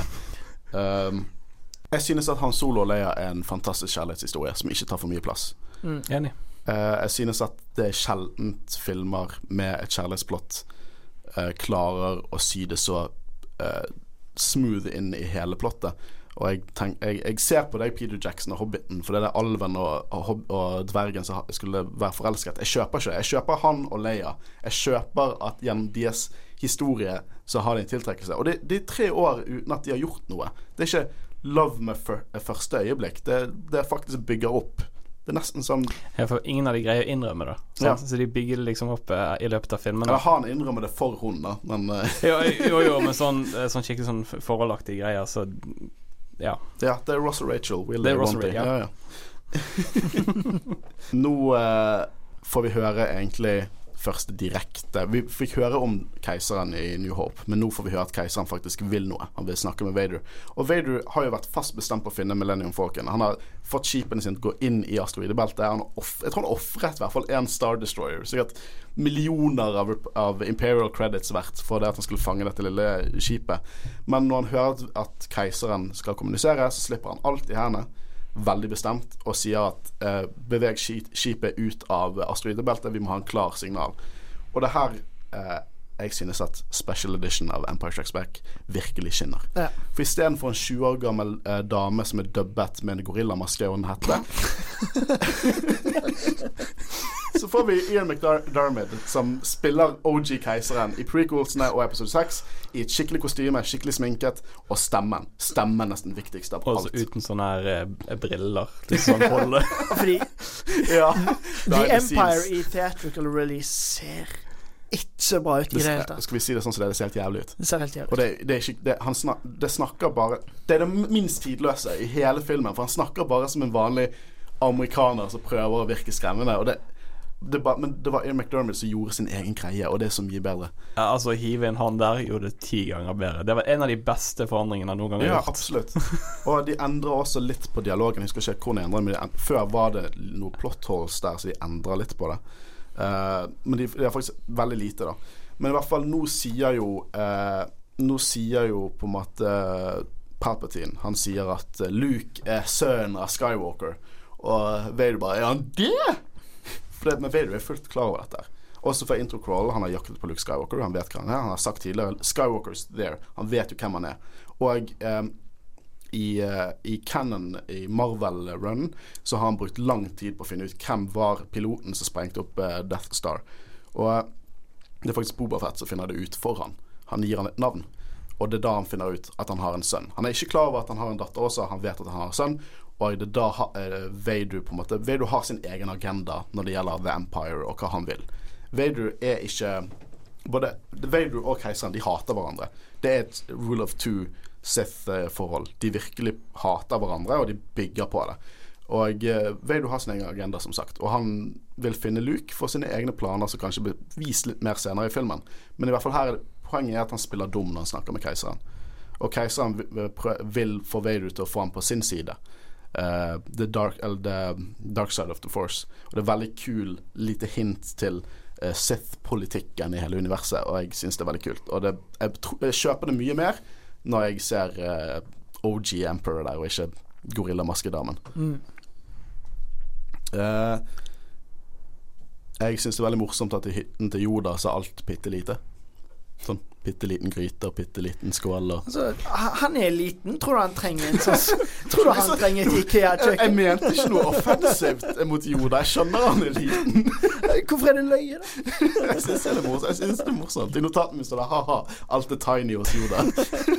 Der fikk Mark Hamill beskjed om at han måtte minst ta hodet sitt opp i taket 18 ganger. Altså er det jævlig mange slanger der. Det freaker meg litt ut. Jeg skjønner ikke hvorfor ikke det freaker Luke litt mer ut. Det, det er bare slanger overalt. Det bare henger slanger over alle hyller. Er sånn, det, for, Forestill deg at, Luke, eh, nei, at uh, George Lucas satt og ropte bare 'more snakes'. um, og det er her det kuleste med Yoda. da For at Yoda begynner fortsatt å kødde med Luke og sånn. Og jeg eh, så Luke klikker litt. Han bare sånn sier 'Hva gjør jeg her? Du kjenner ikke han i det hele tatt.' Og så slår han hodet sitt. Og så endrer Yoda helt positur, helt ansiktsuttrykk, og bare blir til en annen karakter. Og begynner å snakke med Obi-Wan. Uh, han bare Yoda Wacky Yoda forsvinner og blir en gammel Jedi Master. Det vi forestiller oss en Jedi Master skal være. Og jeg uh, Det er her den ikoniske Yoda kommer fram. Det er det jeg tenker på Yoda. Jeg tenker seriøse Yoda jeg, tenker ikoniske Yoda. Uh, og sikkert den mest siterte karakteren av alle Star Wars-karakterer. Det- tror jeg folk som ikke vet hva Star Wars er, vet hvem Yoda er. Mm. Det, de kan se Yoda, og de vet hvem det er. Eh, Yoda er veldig motvillig her. Han sier at han er, har mye sinne i seg, som sin far, foreshadowing til hvem som er faren. Han snakker om at um, han er for gammel, han er for uansvarlig og for utålmodig. Uh, og det er litt rart å tenke på, for det at Yoda vet alt som har skjedd. Han vet at, at dette nye håpet for å på en måte knuse keiseren og se, uh, The Empire og The Sith Sittende! Eh, og eh, grunnen til at han er motvillig her, da, som er etablert i en bok der som er masse, uh, masse småhistorier som heter Certain Point of View. Mange av historiene er ikke canon, men dette er ganske etablert som canon. Yoda forventet at Leia skulle komme dit. Yoda forventet ikke Luke. Yoda ville at Leia skulle komme dit. Og eh, jeg må si at jeg er egentlig litt enig der. Ikke at jeg vet om Yoda hadde så mye inntrykk av hvordan Leia og Luke er, men gjennom alt vi har sett Luke gjøre i New Hope og i begynnelsen av Empire, han er veldig Han er litt arrogant. Han er litt for å ta ting for enkelt. Han er veldig glad i eventyr. Du merker at han koser seg, liksom. Og jeg, jeg tror at Leia er mer seriøs nok til å faktisk kunne blitt en en Jedi Master mye fortere enn Luke hadde vært. Jeg må nesten si meg enig med Yoda sine forventninger. Og eh, den bakgrunnen hun har som eh, leder av eh, The Rebellion, så Altså, nå går vi litt fram, men når Luke vil dra for å redde dem, så sier jo Yoda at med å dra, så ofrer du alt de har jobba for. Jeg tror nok at Leia, hun hadde Hun har vært mye mer rasjonell der. Ikke Mm. følt følelsene så mye. Og det er jo egentlig det som er en Jedi. Uh, for det er alt Yoda sier, at en, en Jedi leter ikke etter eventyr og action. Alt det er Luke som gjør. Det første vi ser av Luke i New Hope, er at han lengter etter på en måte eventyr. Med en gang eventyr kommer til han, så skal det ikke så ja, Det skal en død onkel og tante til, da, men ellers skal ikke det så mye til for at han faktisk joiner. Og storkoser seg. Liksom I første møte med Rebels i New Hope, så er han allerede der og på en måte er litt cocky og vet hva han gjør, tilsynelatende. Så jeg synes faktisk at Leia faktisk hadde hatt mer potensial på, til å fortere bli det som Luke er senere. Uh, og kanskje ikke gjort samme feilet som Luke gjør i en viss annen kontroversiell film som heter Episode 8 Last Jedi. Uh, så vi tar senere, Christian. Uh, Ja, jeg har egentlig aldri tenkt over det, men det gir faktisk litt mening. Mm. Ja. Det er masse hinting at Vader er faren her, gjennom alt dette med Luke. Han, Luke sier jo at han senser sinne igjen, som faren.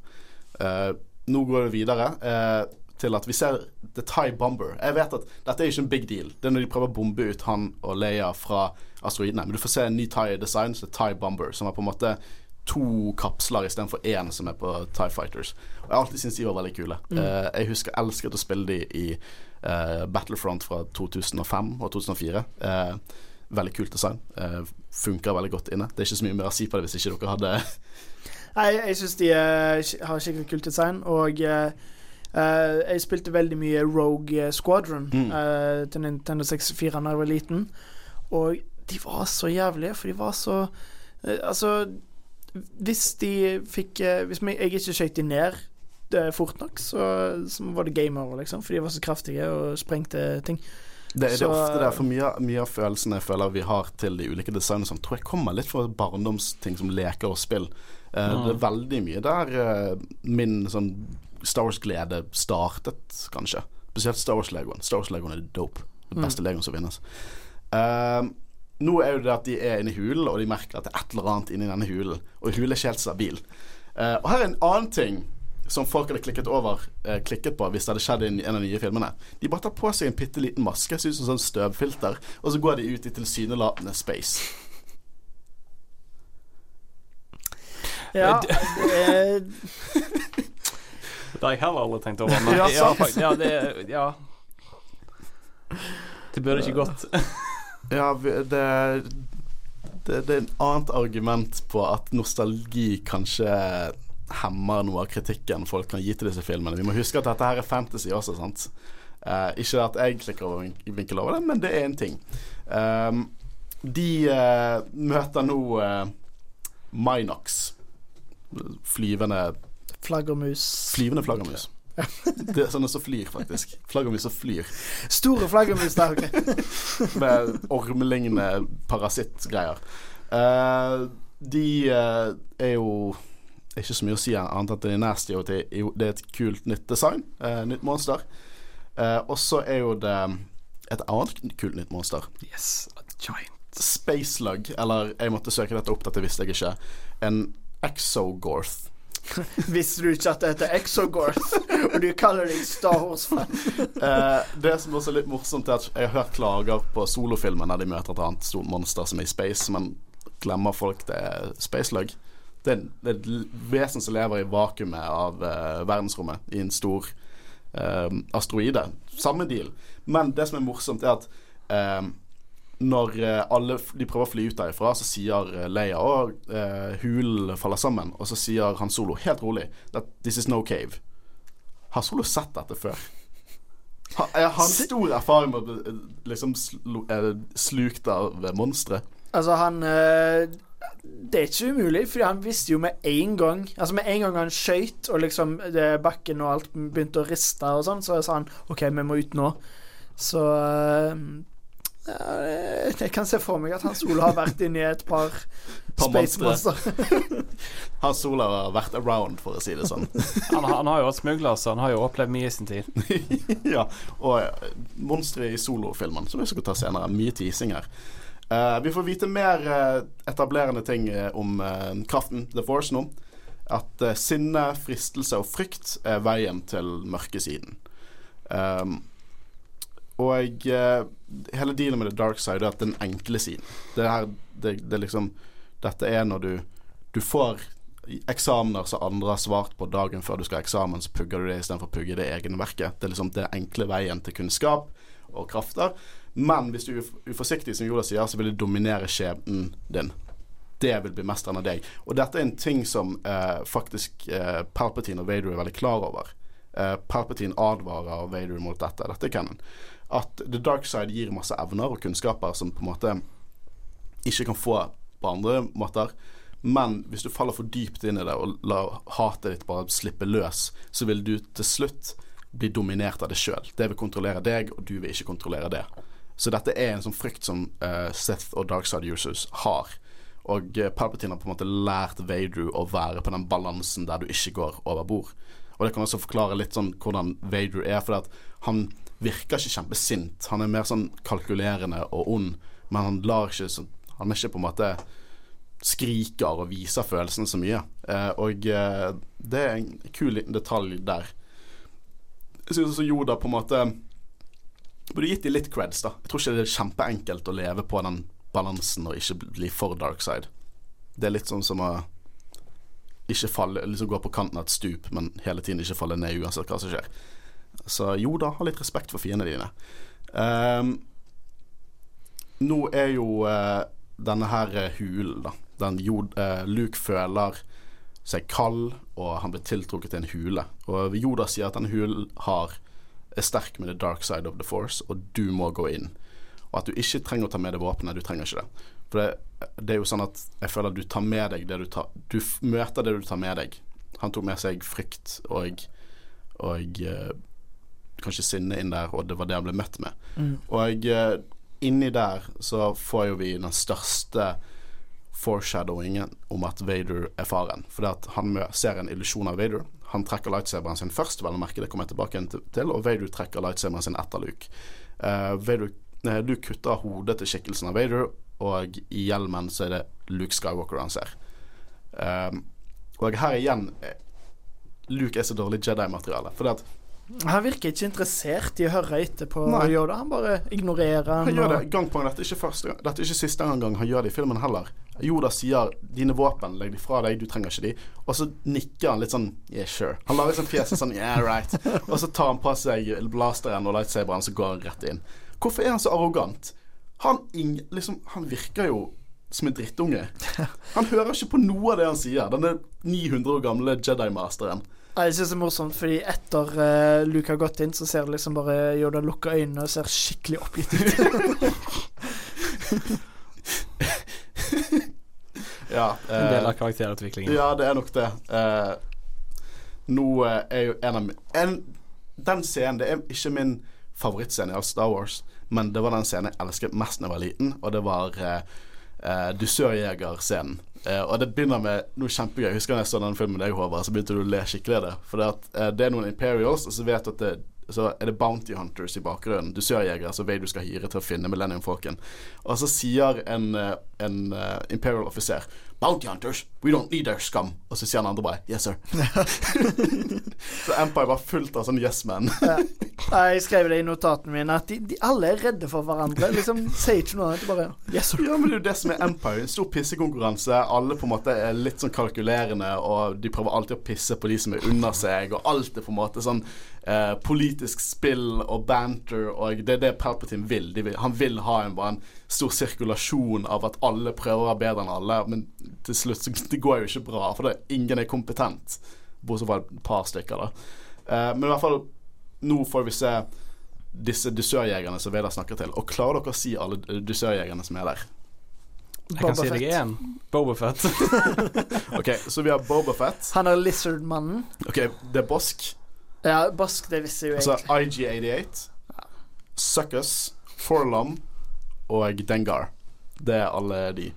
Eh, og ehm, hvert eneste av de designene synes jeg er så sinnssykt kule. Og hver gang jeg ser alle de der, så tenker jeg sånn Å, hvem er det? Hvem er det? Hvem er det? Hvem er det? Hvor kommer de fra? Og det, jeg synes det er så kult. Er så for nå har vi sett hele filmen. Eh, opprørerne eh, mot keiserriket. Eh, to ganske distinkte designs. Plutselig kom, slipper de en granat inn, som er dusørjegere, som ser så sinnssykt annerledes ut.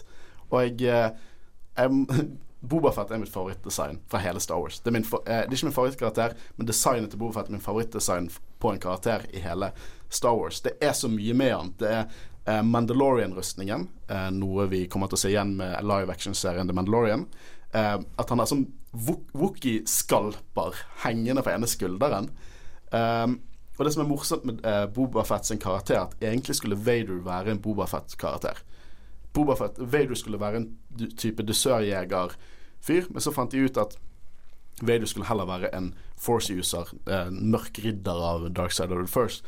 Så de fant ut De måtte på en måte få Boba Fett, som de opprinnelig var veldig glad i, den konseptet, inn i en film. Eh, designet kommer fra uh, egentlig Stormtrooper-design. De skulle lage noe som de kalte en Super-Trooper. Eh, så det var det masse konseptkunst av en hvit Bobafett, helt hvit ren rustning, og de faktisk viste Bobafett sin rustning først praktisk med helt hvitt. Og det er sånn de viste da at han hadde en kappe, men de hadde ikke kappen på settet, så han har på seg i de videoene har han på seg et, et badehåndkle fra A New Hope. Han skulle ha sånn poncho, sånn som Clint Eastwood. Eh, men det viste seg at, at han skulle være en dusørjeger som Vader eh, betalte for å finne Millennium Falcon. Og eh, så fikk han nytt design, mer fargerikt. Han skulle se slitt ut, for han ser slitt ut og asymmetrisk ut og hardbarka. Og jeg tror det mange er stor fan av Boba Fett. Uh, også jeg tror mest pga. designet og hvor mystisk han er. Um, her er det eneste lille nitpicken jeg har i forhold til Special Edition. Fordi at i Attack of the Clones har jo du faren eller klonen som Eller Fett er klonen av Jango Fett. Og Jango Fett er spilt av Tamora Morrison. Uh, og de endret stemmen uh, til Bo Boba Fett i Empire Strikes Back til Tamora Morrison sin stemme. Det gir ikke mening. Stemme er ikke genetisk. Dialekt er ikke genetisk.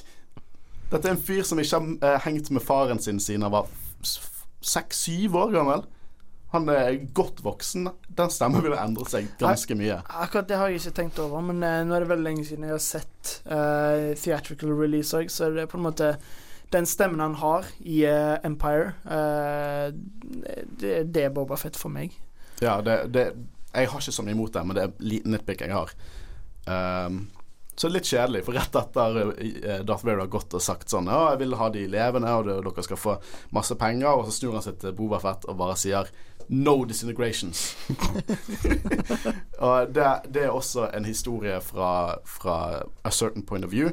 Der, eh, og dette går litt imot etablert plott, for det egentlig så skulle ikke Boba Fett ha møtt eh, Darth Vader der, men dette er halvveis canon, da.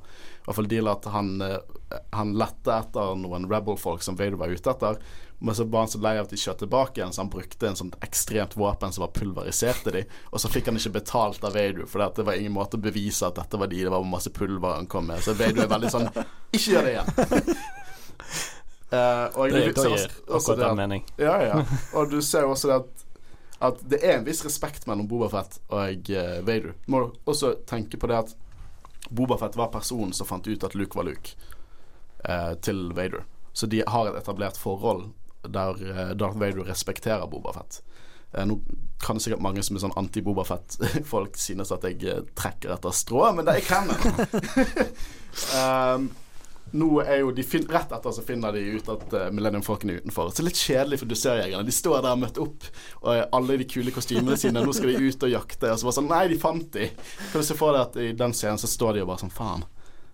De får jo ikke pengene sine nå. De folkene som er hyret, de hadde de rett utenfor sitt skip mens de prøvde å hyre dem.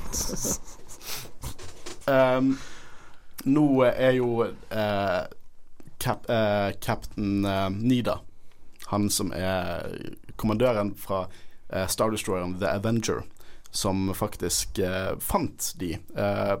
og så plutselig forsvinner de. De, bare, de sier du går for attack-posisjon, og så forsvinner de fra radaren. Og så begynner han å si ingen skip av den størrelsen har et cloaking device. og så ut ifra den ene setningen med cloaking device, det er faktisk sånn som det høres ut som de kan bli usynlige, men det skjer bare med et, eh, noen type prototypespill, nei, skip.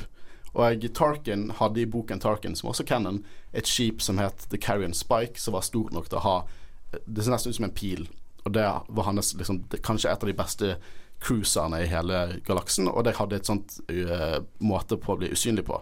Og Det går også an å se det type skipet i Clone Wars. Uh, for der har du en prototype skip av den typen i sesong 1 og sesong 2, så får du se det. Og jeg føler at det er et hint til den, det type skipet når han sier ingen skip på den størrelsen har et cloaking device. Så det er en kul liten uh, tilbit der. Uh, vi går tilbake til mer ikonisk Yoda-snakk. Do or do not, there is no try.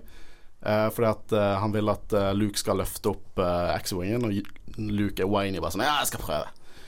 igjen irriterer meg over Luke. Han lærer jo ikke en dritt Uh, han er bare en winy liten drittsekk ja, gjennom hele filmen. Han er så ignorant. Det er så irriterende. Jeg, jeg syns så synd på Yoda. Jeg vedder på at han liksom når, når, Luke sover, så går han inn i hyttene sin og bare banner og sparker ting og hater livet sitt. Luke i denne filmen er dårlig Jedi-materiale. Um, uh, og så Luke sitt blikk når Yoda løfter X-wingen. Uh, Size doesn't matter. Ja. Det er det, det, gjelder, det, er et magisk øyeblikk. Mm. Kanskje det mest magiske øyeblikket i denne filmen er musikken eh, og eh, lille Yoda som løfter X-wingen som sakte kommer inn i, i, bildet, og Luke som på en måte Måten han tar på det, nesten sånn han, Det ser ut som han ikke tror at den er der engang. Han er overrasket når han faktisk møter noe. Og det er jo eh, det Han sier jo liksom I don't believe it. Og så sier Yoda That is why you fail. Mic drop. Jeg skulle akkurat til å si det. Det er et mic drop. um, nå eh, forklarer jo eh, Yoda litt med hvordan The Force er. Forklarer hvordan det er rundt alle. At folk er ikke this crude matter. Vi er, vi er på en måte energirike eh, eh, eh, dyr, eller creatures. Luminous beings are we, not this creed matter. Yes, nydelig. Mye av eh, hvordan Luke forklarer hvordan The Force fungerer faktisk i Last Jedi, kommer paraphraset for hvordan Luke og Obi-Wan snakker om The Force in New Hope og Empire Strikes Back. Uh, nå uh, er jo uh, den beste Vader-scenen, syns jeg, når han tar en dad-joke. Han er jo en dad, så hvorfor ikke ta dad-joke?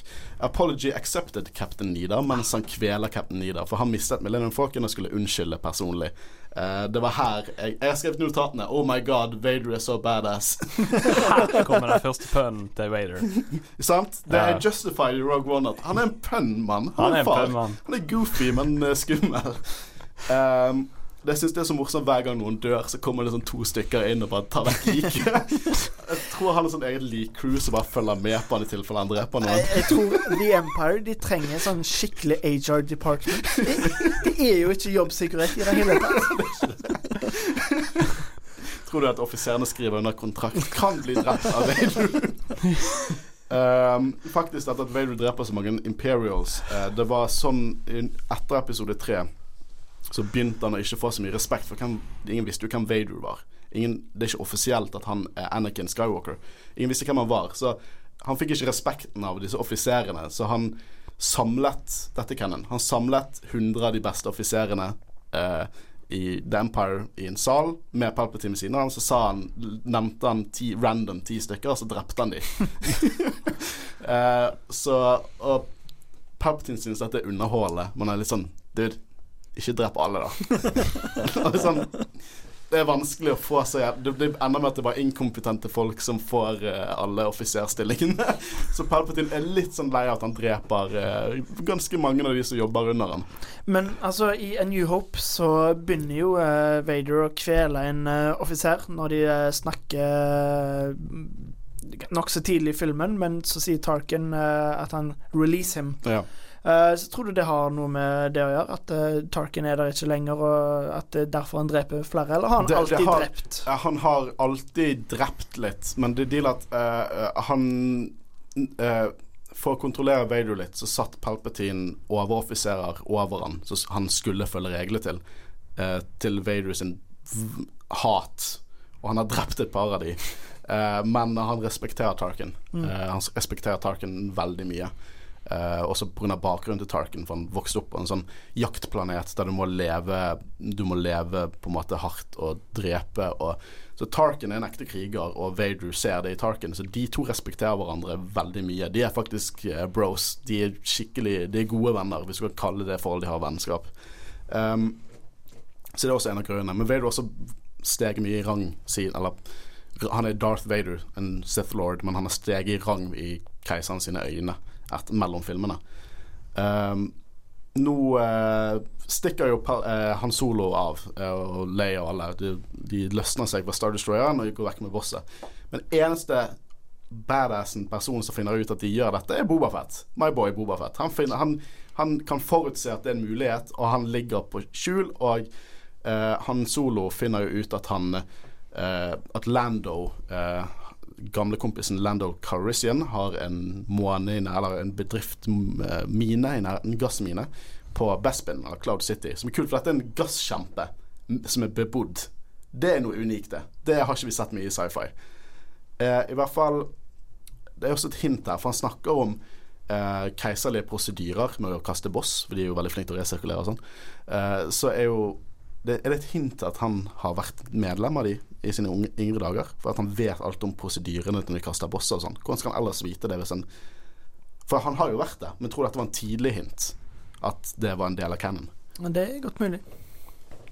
Det eh, Nå er jo det at eh, Bobafett lettere. Må bare si at Slave One, som hans skip, har Det er så kult. Ja, det er dritkult. Ja, jeg tror det er et av de kuleste skipene. Ja, ja, og det, lyden det lager Det er nesten litt sånn Du kan nesten føler at dette er en moralsk shady lyd. Det er så kult. Jeg digger det skipet. Og det har ikke nok screentime i denne filmen, syns jeg. Um, nå uh, drar de mot uh, Det siste som skjer nå i uh, denne akten, er jo det at uh, Luke får en visjon gjennom treningen. så han ser en vond fremtid. Vond mulig fremtid. En visjon som han kanskje har igjen i en annen kontroversiell film som heter Last Jedi. så Masse teasing her. Å, jeg gleder meg til den episoden. jeg òg. Jeg har allerede, skrevet, allerede, sånn allerede begynt å samle alle argumentene mine. Ja, blir klar til å Ja. I hvert fall um, Det her Joda sier at, uh, at dette er en mulig fremtid. Du kan dra uh, du, hjelpe, du, kan kanskje hjelpe dem. Mm. Uh, du vet ikke, men hvis du drar nå og ikke fullfører treningen din, så kommer du til å bare ødelegge alt de står for, og alt de har kjempet for. Uh, og det viser seg at Luke fucker jo ganske mye opp når han drar dit, på veldig mange mulige måter.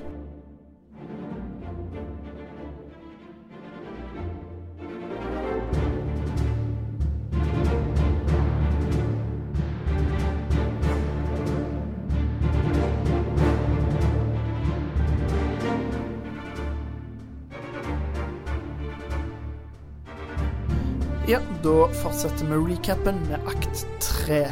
Og akt tre det begynner når han og Leia, og eh, selvfølgelig Chewie og eh, C3PO, de lander i Cloud City på eh, gassplaneten Bespin. Der møter de Lando Calrissian, en slu gambler og en gammel venn av Han. De er litt usikre på om de kan stole på han, men de har egentlig ikke så mye valg. C3PO han går inn i et rom og oppdager noe, men før han rekker å si noe, så blir han skutt og forsvinner. Eh, tilbake på Dagobah så drar eh, Luke for å redde vennene sine, til tross for både Yoda og Obi-Wan sine advarsler. Eh, de sier at eh, hvis han drar, så eh, Ja, så kan han bli frista av the, the, dark side. Etter Luke har dratt, så får vi vite at Luke ikke er det eneste håp. Yoda sier 'There is another'. Leia og han får vite at skipet snart er ferdig reparert. Leia hun er fortsatt bekymra, uh, og i mellomtiden så finner Chewie uh, C3PO, som er helt ødelagt. Det viser seg at uh, de skulle faktisk ikke ha stolt på Lando likevel, fordi Vader og Bobafett venter på dem under middagen. men hvis Lando gir han og Leia til Vader, vil imperiet la de være i fred. Så der, da måtte nesten Lando takke ja til den avtalen, selv om han stadig endrer på han. Uh, han blir torturert, uh, men de spør ikke engang noen spørsmål. Vi får vite at Luke er den eneste Vader er på jakt etter, og at han har lagd en felle for å fange han. Han Solo blir fryst ned i karbonitt for å teste om det vil drepe Luke, fordi Vader planlegger å fryse ned Luke når han skal ta han med til The Emperor. Når Han Solo blir fryst ned, så sier Leia at hun elsker han, og Han Solo sier han vet det. han vet det. Han vet det. Dette tar vi med. Og fortsett. Uh, Luke ankommer Cloud City, men han blir advart av Leia at det er en felle. Men han uh, følger fortsatt uh, likevel etter. Luke konfronterer Darth Vader, og en ekstremt fet lightsaber battle bryter ut mellom de. I mellomtiden så bestemmer Lando seg for å redde Leia og Chewie, og eh, det bryter ut en kamp mellom de og stormtrooperne. Cloud City blir evakuert, og de klarer å slippe unna, men de rekker ikke å redde Han Solo som blir tatt i Slave One, skipet til Boba Fett, som skal frakte han til Jabba the Hutt. Tilbake til kampen mellom Vader og Luke. Uh, Luke klarer seg helt fint, men det er tydelige forskjeller mellom de. Luke faller ut på en plattform. I mellomtiden klarer Leia og de andre å unnslippe Cloud City. På plattformen blir Luke overbemanna, og Vader hogger av han armen. Vader truer med å drepe, og samtidig så ber han Luke om å bli med han, fordi sammen kan de bringe orden i galaksen. Her kommer tidenes største plottvist. Darth Vader er faktisk faren til Luke. Da roper Luke 'no', for det liker han ikke å høre. Men Vader sier at det er Luke sin skjebne å drepe The Emperor, og at eh, sammen så kan de rule the galaxy like father and son.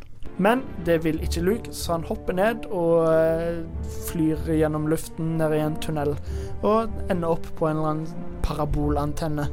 Eh, dinglende fra den så klarer han å kontakte Leia via The Force, som snur og redder de.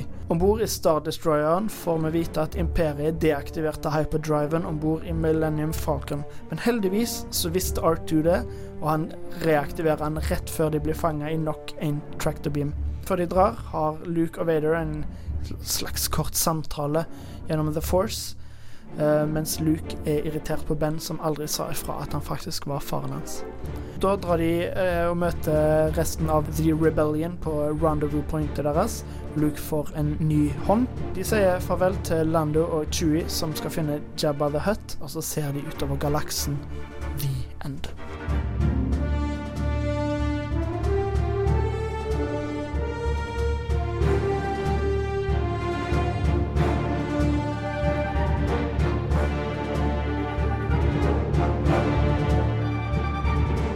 Første som uh, traff meg her, da, er at Bespin er enda en fantastisk og ikonisk uh, planet i uh, Star Wars-universet. Mm. jeg sa det litt tidligere i sendingen, men at det er en gasskjempe. Jeg har aldri tenkt over at det er en gasskjempe. Det er ingenting der, det var gass, og de bor der. Jeg syns det er kjempekreativt og unikt. Og, og her eh, kjenner jo virkelig òg de der uh, matte paintings som du nevnte tidligere òg. Altså, bakgrunnen ser uh, utrolig fin ut, og uh, det er skikkelig ikonisk. Uh, men òg i special editions så har de lagt til litt mer dataanimerte. og så for eksempel en scene der Leia ser ut gjennom et vindu, der du liksom faktisk ser omgivelsene rundt. Og det ser skikkelig kult ut. Det, det syns jeg også. Jeg har som sagt tidligere ikke hatt noen problemer med special edition. Hvis jeg skal se Empire Strikes Back, syns jeg special edition faktisk er desidert den beste måten å se den på. Mm. Uh, Bespin føles ut som en by. Uh, du ser at Millennium Falcon flyr gjennom uh, gatene og alt det der. Og så må vi snakke om hvor jævlig teit Cloud Cabs er.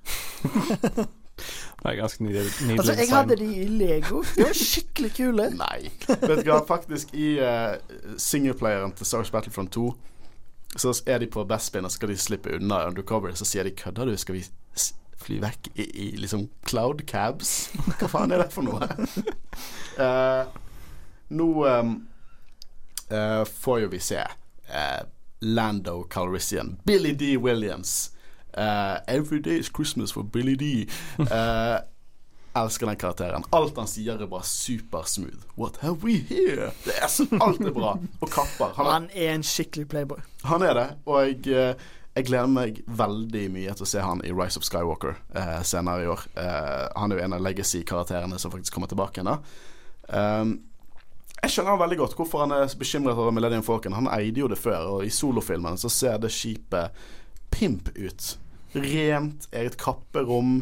Uh, det synes ut som et sted jeg kunne bodd. Nå ser det ut som liksom et gammelt skur. Jeg elsker Millennium Falcon, men det ser jo ikke pent ut. Eh, så jeg skjønner hvorfor han er litt irritert. Liksom. Det er jo som Jeg skal låne deg en bil, og så kommer du tilbake med et vrak. Det jeg skjønner det er irriterende. Han vant han i et pokerspill. ja, det gjorde han.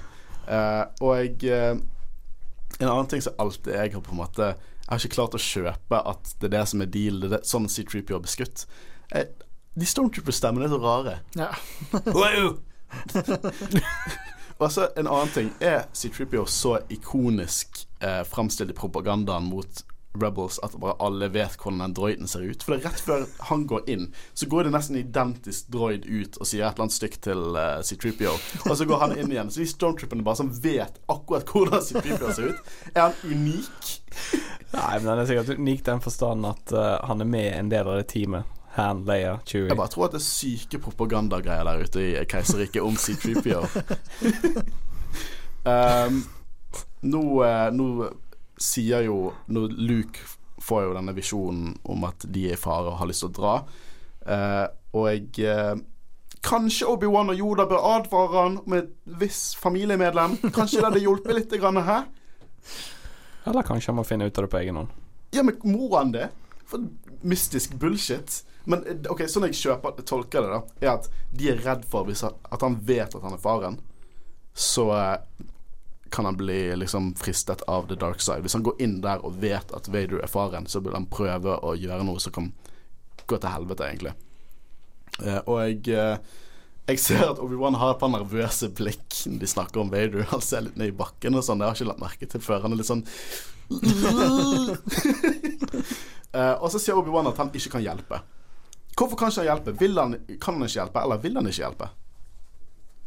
Det er litt artig, for at de kan jo egentlig, i den forstand fra The Last Jedi, Mm. hjelpe. For at før The Last Jedi så visste vi jo ingenting om Force Ghost var mulighet til å interacte med Ja, vi trodde ikke, Jeg trodde ikke de var fysiske. Men The Last Jedi motvirket Eller motviste jo det om at de kan faktisk gjøre noe. Mm. Og det forklarer hvorfor Obi-Wan sitter på en kvist i, eh, i Return of the Jedi.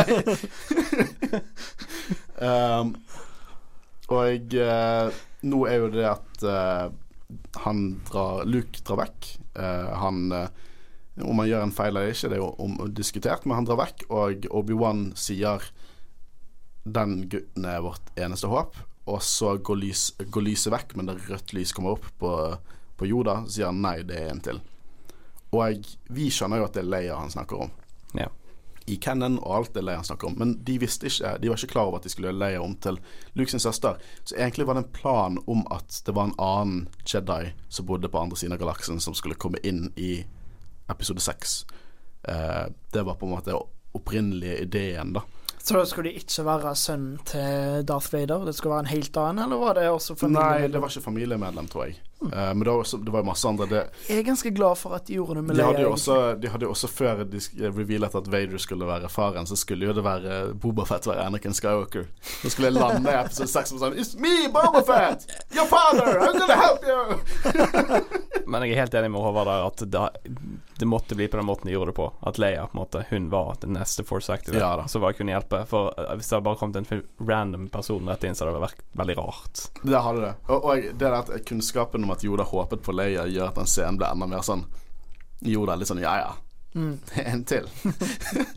han er, han er dipshiten her klar til å ikke gjøre en dritt. Uh, og så synes jeg at de er ikke så veldig bekymret når de finner C3PO bare en masse skrap. De er helt ødelagt. Jeg hadde bekymret meg litt mer. De er mer bekymret når de ikke finner han, men når de finner han helt ødelagt, så er sånn Å ja, der er han.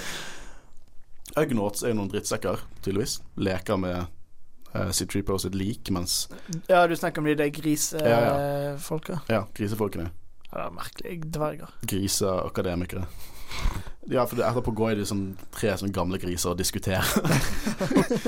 Eh, men det som er kult i den scenen, er masse sånne praktiske tidbits eh, rundt om scenen. For i bak så ligger det en IG-droid, som, i- som i IG-88. Og det er ingen bakhistorie til han i nye canon, men før i gamle canon, det er Legends, så var det en IG-droid som jaktet på Bobafett, som Bobafett drepte rett etter han landet på Cloud City i bakgrunnen. Jeg vet ikke om det er canon nå, uh, men De droidene, er det spesielt lagt for å være Bounty Hunters, eller er det bare de Er er det sentient droid som liksom bare bestemmer er- Vet du hva? Jeg tror jeg har lyst til å bli Bounty Hunter, jeg. Jeg vet ikke hva de har skrevet om i nye- nyere canon, men i gamle canon så var det droider som var i et eksperiment, eh, som rett og slett ble selvbevisst og drepte de som hadde produsert de, og så gikk ut og fant ut at de kunne være dusørjegere egentlig bare fordi det var gøy. Og du fin vi møter sånne typer droider i Darth Vader-komikken eh, med Triple Zero, eh, og det som egentlig bare sånn mørke psykotiske paralleller til R2D2 og C-Tripper, og veldig gøye karakterer som vi kommer til å møte senere. eh, I tegneserien, altså. Men det var i hvert fall bakgrunnshistorien til det der. Og det morsomme er at IG eh, droidehodet er egentlig en cappuccino-maskin. og det hodet har vi sett i New Hope, for det var en del av baren i kantinaen til, eh, på Mos Eisley. Der hadde de IG-hoder, og der skal det forestilles som et eller annet annet. Nå er jo det at eh, Lando vil at de skal eh, ha noen eh, forfriskninger. Jeg syns det er litt rart at Lando driver og flørter med Leia når han vet at han skal sånn bare gi henne til Vader etterpå. Liksom, hvorfor gidde å holde det oppe? Og nå, ok, Det eneste argumentet jeg har her for at uh, Empire er the good guys, det er egentlig ikke et godt argument. Her er Vader laget middag til Han Solo og Leia. Og det, hva er det første Han Solo gjør? Begynner å skyte på stakkaren. Han skal ha laget alt sjøl. Kjempefornøyd. og så kommer det en douchebag inn og begynner å skyte. Det er sikkert kokt fisk. Men eh, nå kommer jo Bobafett inn i bildet igjen, og det er en, en liten ting å merke her at hver gang han går, så lager han sånn western-støvlelyder. Selv om han har ingenting på støvlene sine som skal lage de lydene. Men det er bare fordi at han skal uh, minne litt om sånn Clint Eastwood i uh, A Fistful of Dollars og alle de gamle spagettivesterne. Det, liksom, det er litt sånn imaget til uh, Bobafett, da. Og så En annen ting som jeg syns er veldig morsomt, er at etter at, uh, at eh, Vader har tatt blasteren fra Solo, og så snur han seg, og så kommer det sånne Kommer det sånn dusin med Stormtroopers som bare går perfekt Liksom løper inn, og så stiller de seg opp og sikter, og det ser ut som de har øvd på det. Det ser ut som de har sittet bak scenen og bare sånn OK, du der, du der. Og så snur vi oss, og ser vi skikkelig badass ut. Helt synkronisert. Å, Stormtroopersene. De er så dumme. Jeg må også si at Bobafett får litt shit at han ikke på en måte gjør så mye. Liksom At han er Captain Phasma. Det er han ikke. For Bobafett har gjort alt for at Empire skal komme dit. De er der fordi Bobafett fant ut hvor Millennium Falcon var. Eh, sa det til Vader, fikk eh, Empire der. Bobafett var det eneste som visste hvordan eh, Han Solo kom seg vekk. Bobafett har respekten til Vader. Vader er der inne alene med Bobafett. Ergo Bobafett er en kul karakter. Han ser ikke bare kul ut. Kommer tilbake til det senere. Eh, men Han Solo ble jo også torturert nå, og dette er en morsom ting. For det har jo vært hele planen til Vader å torturere bandet til Luke for å få Luke til å komme dit. Og, men det han gjør, er en weird time loop, egentlig. For Vader fanger eh, Han Solo og torturerer de. Og sånn at Luke i fortiden skal sense at noe gale skjer, og så kommer. For Luke er allerede på vei når de begynner å torturere Han Solo og de. Så han bare håper at The Force tar tilbake denne visjonen til Luke. Og det er, sånn, det er litt weird å tenke på. Det er nesten litt sånn frem Hvis det er tidsreise i Star Wars og der, så har det allerede skjedd. Vader har allerede gjort det for den, den mulige fremtid. Og så gjør han det senere, og så kommer Luke. Men har du tenkt på det at det kan hende at de bare har klippa filmen for at det liksom skal Ting kan ha skjedd før, vet du. Du at filmen er ikke kronologisk. ja. Det kan jo hende. Det virker jo litt som at uh, Luke har vært på Dagobah i sånn tolv timer. Ja, men altså Det virker jo som om han Altså, han blir jo stadig bedre, så det virker jo som om han faktisk har vært Det- på deg bare en liten stund. Jeg har alltid tenkt at han har vært der kjempelenge, men det, i forhold til filmlogikk så gir det ikke Det virker som om han bare har vært der et par timer. Men OK, det er en Force-planet. Dagobah er basically The Force fysisk, og tid er funky når det gjelder The Force. ja, så kan det være tiden går saktere. Ja, skal vi ta inn ekte sånn space physics inn i dette her? Jo, jo, men det er jo det er mulig. Jeg har lyst til å se Christopher Nolan lage neste Star Wars-film. Oh, Det er ikke blitt bra. Det er ikke hans ting. tja. Han- Nei, men Jeg eh, husker det var campaign for å få George Lucas til å regissere den siste filmen. Nei. Jeg vet at folk ikke er veldig happy med, med Last Jedi, men Noen må huske hvordan det var. uh, men i hvert fall Jeg tolker det sånn at Dagobah er en Force-planet, og at ting er magisk der, og det er annerledes hvordan det fungerer. Uh, ja, greit nok. Um, de er jo veldig forbanna på Lando, da. Uh, Det er ikke så rart, det, da. jo, jeg syns det er rart. Syns du det er rart? Ja, jeg syns det er kjemperart. Jeg synes Han og Leia er kjempeuansvarlige. Så han finner ut at hans gamle kompis Lando Calrissian, som var en kriminell, uh, har nettopp fått blitt ansvarlig. Han er, han er sjefen over en hel koloni med masse sivile arbeidere. Eh, og eh, hva gjør du? Ta med Empire til denne kolonien. Og så Lando har ansvaret for en hel by. Alle folkene i byen.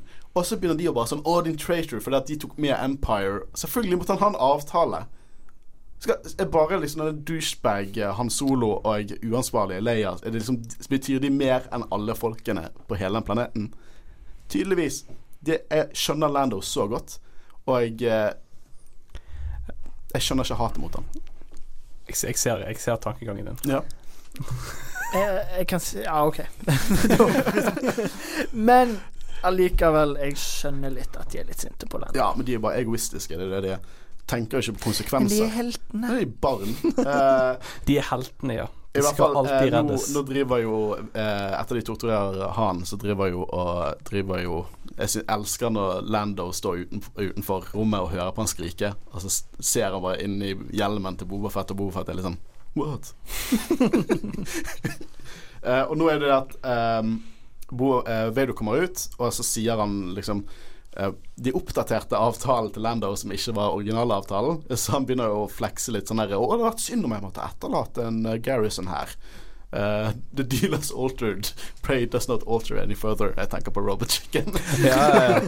Der du så Vader bare åpne heisen igjen flere ganger. Komme ut med kjoler som må gå med enhjulssykler og sier, eh, uh, the, the deal is getting worse all the time. I have altered the deal. Men altså, her sier til slutt så bare sipper han. Men det her eh, eh, Bobafett også viser seg litt annerledes foran alle andre. Jeg vet at jeg er virkelig fanboy over Bobafett nå, men han sier til Han stiller kritikk til Vader bare sånn Hva hvis han dør? Han tør å si det. Hvem andre hadde tørt å si Vader? Sånn, er du sikker på at du har kontroll på dette? Vader, Bobafett gjør det, og Bobafett er badass. Uh, skal vi gå videre, da? Eh, Det er jeg helt enig i. Boa Fett er badass. ja, han, rest, det, han, han konfronterer Vader. Han stiller spørsmål til han, og det er respekt mellom de to.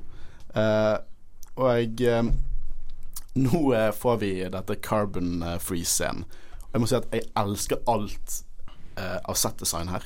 De oransje lysene opp gjennom hølet fra det svarte metallet, og kloen som skal ta opp carboniten, og alt det her. Og igjen Bobafett begynner å si sånn Hva hvis han ikke overlever? Han har vært mye til meg. Og Vader er sånn Jesus Christ, vi betaler deg hvis han dør, OK? uh, fordi at Bobafett vil jo ha han solo til å levere han til Jabba the Hutt.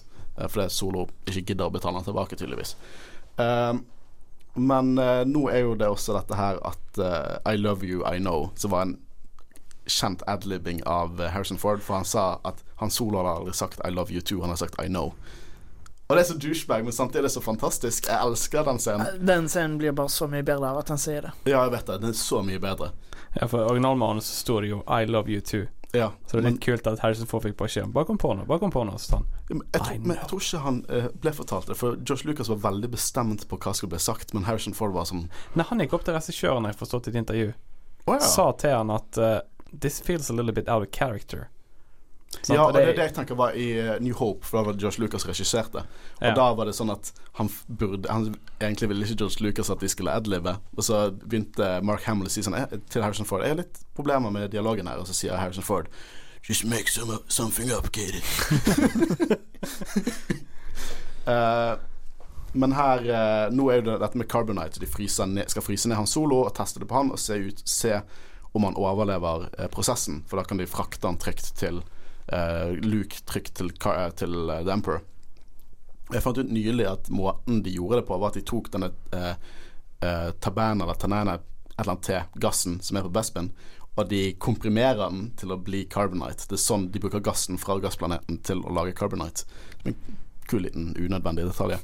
Eh, men jeg sa nå det, i hvert fall. Uh, ok, Når, når eh, Han Solo går ned i carbonite, så har han håndjern. Når han kommer opp, så har han hendene framfor seg. Hva skjer der?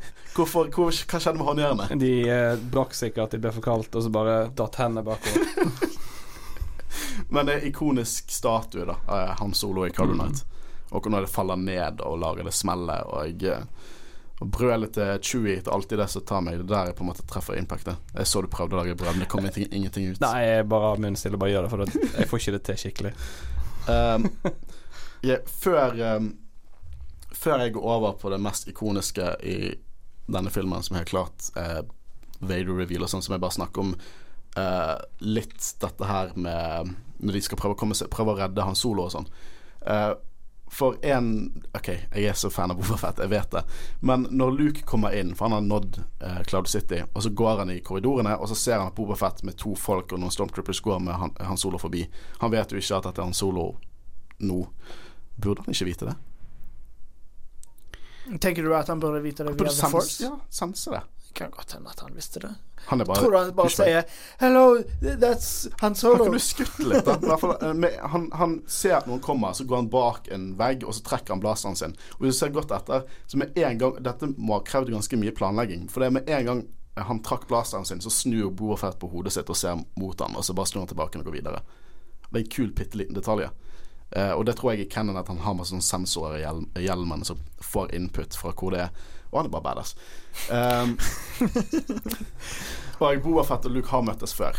Uh, ikke, Luke vet ikke at de har møttes før, men eh, Boba Fett, når han fant ut navnet på Luke, så prøvde han faktisk å eh, ta inn Luke Skywalker. Luke kom seg vekk med masse tilfeldigheter med The Force, men Boba Fett, fikk ett navn, og Skywalker, og det var egentlig det Vader trengte for å vite at det var sønnen hans. Så de har møttes før. Um, nå eh, Nå tar jo Orlando og på en måte hjelper eh, eh, Leia og Chewie og C-Tripio. Eh, og finner ut at han skal på en måte gjøre det. Så han skal evakuere byen og prøve å redde han og alt det der. Og jeg, har jeg alltid synes det er veldig morsomt at de stormtrooperne, statistene, burde vært litt mer engasjert. For de står der med blasterne sine, og så kommer alle folkene inn og tar det fra dem, og de bare sånn De beveger ikke på hodet sitt engang. Jeg hadde vært overrasket om det var levende mennesker der inne, for de har sikkert bare blitt, blitt fortalt at de skal ikke gjøre noe. Litt statistarbeid, people. Liksom Få de til å liksom uttrykke litt følelser. Liksom litt bevegelser. Hadde vært bra. Uh, I hvert fall, nå begynner jo uh, Chewbacca bare kvele uh, Lando, som er helt fucket. Og Leia er helt med, og er helt fucket.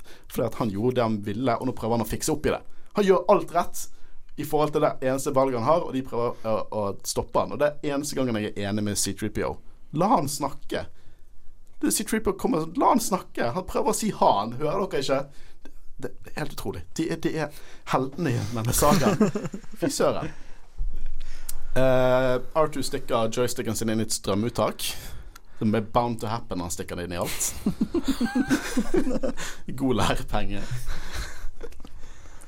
Uh, OK. Nå uh, de, de uh, Slave One og Boba kommer seg vekk, og de har ikke så mye de kan gjøre med det, egentlig. Så han Solo er i Carbonite. Han er Schrødinger Solo. Du vet ikke altså, om han er død eller levende. Han ble tatt, jeg vet han er levende, men han er Schrødinger Solo. Han ble dratt videre eh, til Jabba the Hutt. Uh, men nå får vi, og jeg skrevet i eh, notatene i Capslock, beste duell i Star Wars ever. Mm. Ja. Eh, bare dialogen, lydene, silhuettene. At det er faktisk Bob Anderson som er i Vader-drakten. Bob Anderson eh, var eh, kampkoreograføren i 'Ringenes herre'. Eh, var han eh, lærte alle dette med med sverd og alt dette her. Bob Anderson gjør en fantastisk mye bedre jobb enn det David Prowse gjorde. Men jeg skal ikke blame David Prowse for New Hope. Han var jo ikke en fyr som var kjent med sverdfekting, så det så litt weird ut. Men hele den duellen mellom Luke og Vader, hva synes dere om den duellen i denne filmen? Jeg syns det Altså Du føler virkelig at uh, det er store forskjeller mellom dem. Altså uh, Annie Nei, uh, Luke han bruker to hender. Liksom slår skikkelig og er skikkelig offensiv, mens Darth Vader som, som, regel bare bruker én hånd og virker skikkelig casual. Så selv om Luke er blitt bedre, så er liksom, det er ikke noe tvil Nei. om hvem som vinner. Så Men òg altså, scenografien Eh, alt det visuelle er bare helt fantastisk. Han er litt mer kontrollert, han tar det litt mer rolig, for han vet litt mer hva han holder på med i forhold til Luke, som er ganske ny i dette her. Og så vil han jo faktisk ikke drepe han. Det er jo altså han eh, I hvert fall ikke før han har liksom tilbudt seg og, ja, ja. og liksom så Men jeg må si at her også, Luke er den første som trekker sverdet sitt. Mm. Hva er dealen med det? Han gjør alt. Han har gjort det to ganger i denne filmen. Han har jo blitt fortalt at han må ja, Han er lett manipulert. Det høres ikke ut som Jedi-materiale.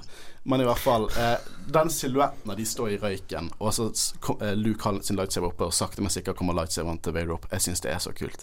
Og at det ikke er musikk her. Det er bare pustingen av Vader, dialogen, lightsaberne som klasjer. Og jeg har alltid følt at Vader leker litt med Luke, samtidig som nesten han begynner trening. Han begynner å trene han litt, tester han litt eh, hva som er greiene. For han begynner litt sånn og du kan det, og du kan det.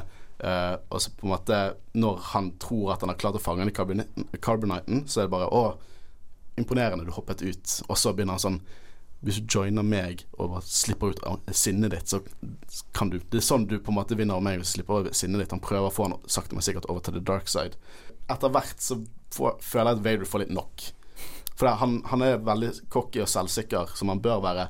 Men han messer litt opp. Han faller en gang, og så får han litt nok av at uh, Luke er så på en måte strider imot, så han begynner å bruke alle sine force powers. Han står så Han rører ikke en finger og bare slenger all slags ting mot Luke.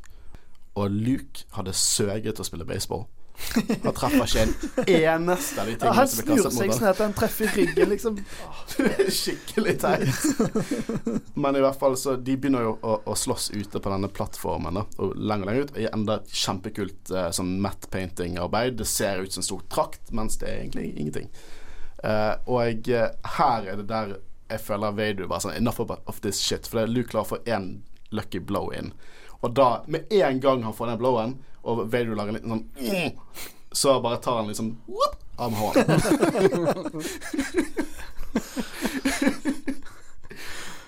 Eh, det er jo her uh, Luke er fanget med én hånd ute på denne plattformen, og Vader står der med kappen i vinden og holder hånden sin ute og på en måte knytter neven og snakker om the dark side of the force. Snakker om at Og han sier, han sier til Luke beste plot-twisten noensinne i film, synes jeg. uh, og det verste Luke kunne hørt da, at Obi-Wan fortalte deg aldri hva uh, som skjedde med faren din. Han fortalte meg nok, han fortalte meg at du drepte han. Nei, jeg er faren din. Og det er Jeg hadde ønsket jeg ikke visste det. Jeg hadde ønsket jeg kunne oppleve uh, Empire Strikes Back og ikke vite at Darth Vader er faren til Luke. Å sette den på kino hadde vært en drøm, egentlig. Ja. Men uh, der, ja, for der òg har du en sånn uh, forhold til originalmanuset som skuespillerne fikk utlevert. Så sto det jo egentlig at uh, Darth Vader skulle si No, Obi-Wan killed your father. Men så ble jo Mark Hamill tatt inn på eh, kontoret eller noe sånt til regissøren Ivan Kershner og George Lucas, der han fikk en lapp der det sto den egentlige replikken som skulle være No, I'm your father. Så han fikk beskjed om at uh, det skal holde for seg sjøl, og hvis det ble lekket, så visste de hvem det var. ja. Takk og pris det ikke var internett på den tiden. Men uh, det er jo litt uh, morsomt, uh, fordi etter Luke har fått vite det, så brøler han jo nei, det kan ikke være sant. og så sier Vader akkurat det samme som The Emperor sa til han tidligere i filmen. han sier 'search your feelings, you know it to be true'. Mm. Så det er jo litt morsomt at han eh, bare sier det akkurat det samme. Det er nesten de som at eh, The Emperor er læremesteren til Darth Vader. Nesten litt sånn. Og her har du jo òg en Her har du jo òg en veldig fin Robot Chicken-utgave. etter, de, etter det så begynner de å snakke om flere ting, uh, søsteren og sånn forskjellige ting. Og Darth Vader Darth Vader med en sigar i kjeften og alt mulig. Ewoks gonna kill the Emperor! Um, Men det er en ting, altså hvis du kan løfte et skip, et, rom- eh, et Kunne ikke Darth Vader bare tatt uh, Holdt han på plass, liksom? Where are you going? Up? han kunne jo gjort det, men Jo, han kunne absolutt gjort det. Deal med det. Men eh, jeg vet ikke, jeg. La oss si at han visste at han ikke kom til å turne. I hvert fall ikke ødelegge den perfekte scenen. Sorry, sorry, sorry. Si Det er en perfekt scene. Det er det. Og han snakker til Luke og sier at For det, dette er jo det Vader vil. Vader vil jo kvitte seg med keiseren, og Luke er en nøkkel til det. Han sier at keiseren vet at du kan drepe han. Eh, han har forutsett det. Du kan klare det. Vi kan regjere galaksen som far og sønn og drepe keiseren. Jeg syns det er en ganske god pitch. Jeg synes det er en god deal. Det er ikke en dårlig deal. Jeg lurer litt på om jeg kanskje hadde tatt det. Ja, men jeg, jeg, jeg er liksom Jeg har ingen foreldre, og så kommer liksom big old daddy inn og bare sånn Du, skal du ha en jobb, eh, jobbstilling under mitt selskap? Ingen utdannelse krevd. Du lærer mens du holder på. Jeg syns det er en kjempegod eh, pitch, jeg. Se, se liksom Jo, altså Altså Det som er mest fristende i den setningen der, er jo å Ruling the Galaxy. Men Luke vet jo at det er jo The Empire som er de onde. Yes, Men det er det de? Det er det. Er det de som sprenger opp planeter? Det er Ja, det, men de må jo det. eh. Må de sprenge opp planeter? Ja, Med masse uskyldige mennesker? Vi var gjennom dette forrige gang. Men hvis du hadde fått det pitchet, men rett før så hadde du mista armen, hadde det fortsatt vært like Ja, hvis jeg visste at det fantes robothender, så hadde jeg ikke brydd Jeg hadde kuttet av min egen hånd. Jeg, liksom, jeg vil heller ha en robothånd. Du har det er til og med nerver der. Du føler. Det, det er jo ikke så big deal å miste en hånd. Det liksom, Tenk deg at du aldri kan liksom, Du går ikke an å skade liksom, knekke hånden engang fordi det er laget av metall. Ok, du er denne good guys, bad guys-greien. Hvorfor i all verden eh, ville good guys reist til Bespin City, truet befolkningen med at hvis ikke de hjalp de, så skulle det skje noe farlig? Det er jo sånn høy på death sticks eller et eller annet sånt. Nå eh, er vi ferdig med den ikoniske scenen. Har dere noe mer å si? Nei. Han er ikonisk. Ja, nei. Det er det. Uh, ok, nå får vi se at Luke har falt ned her, uh, og uh, kommet ned i en sånn liten tunnel og sitter på parabolen, oppvendt og uh, ned parabolantenne. Syns det er alltid morsomt at han ser håren og lightsaberen sin falle ned. Jeg syns det er litt fucket. Her gjør han det? Ja, du ser han, du ser når han faller ned, så ser du håren og lightsaberen falle ned. Ah, det har jeg aldri sett. Uh, og dette her har jeg alltid tolket som en foreshadow til at Leia force powers og er søsteren. Og jeg vet at det mest sannsynligvis ikke var det, men Luke klarer å kommunisere med Leia, kalle ut på henne, og hun kjenner at noe er gale, og hun vet hvor Luke er.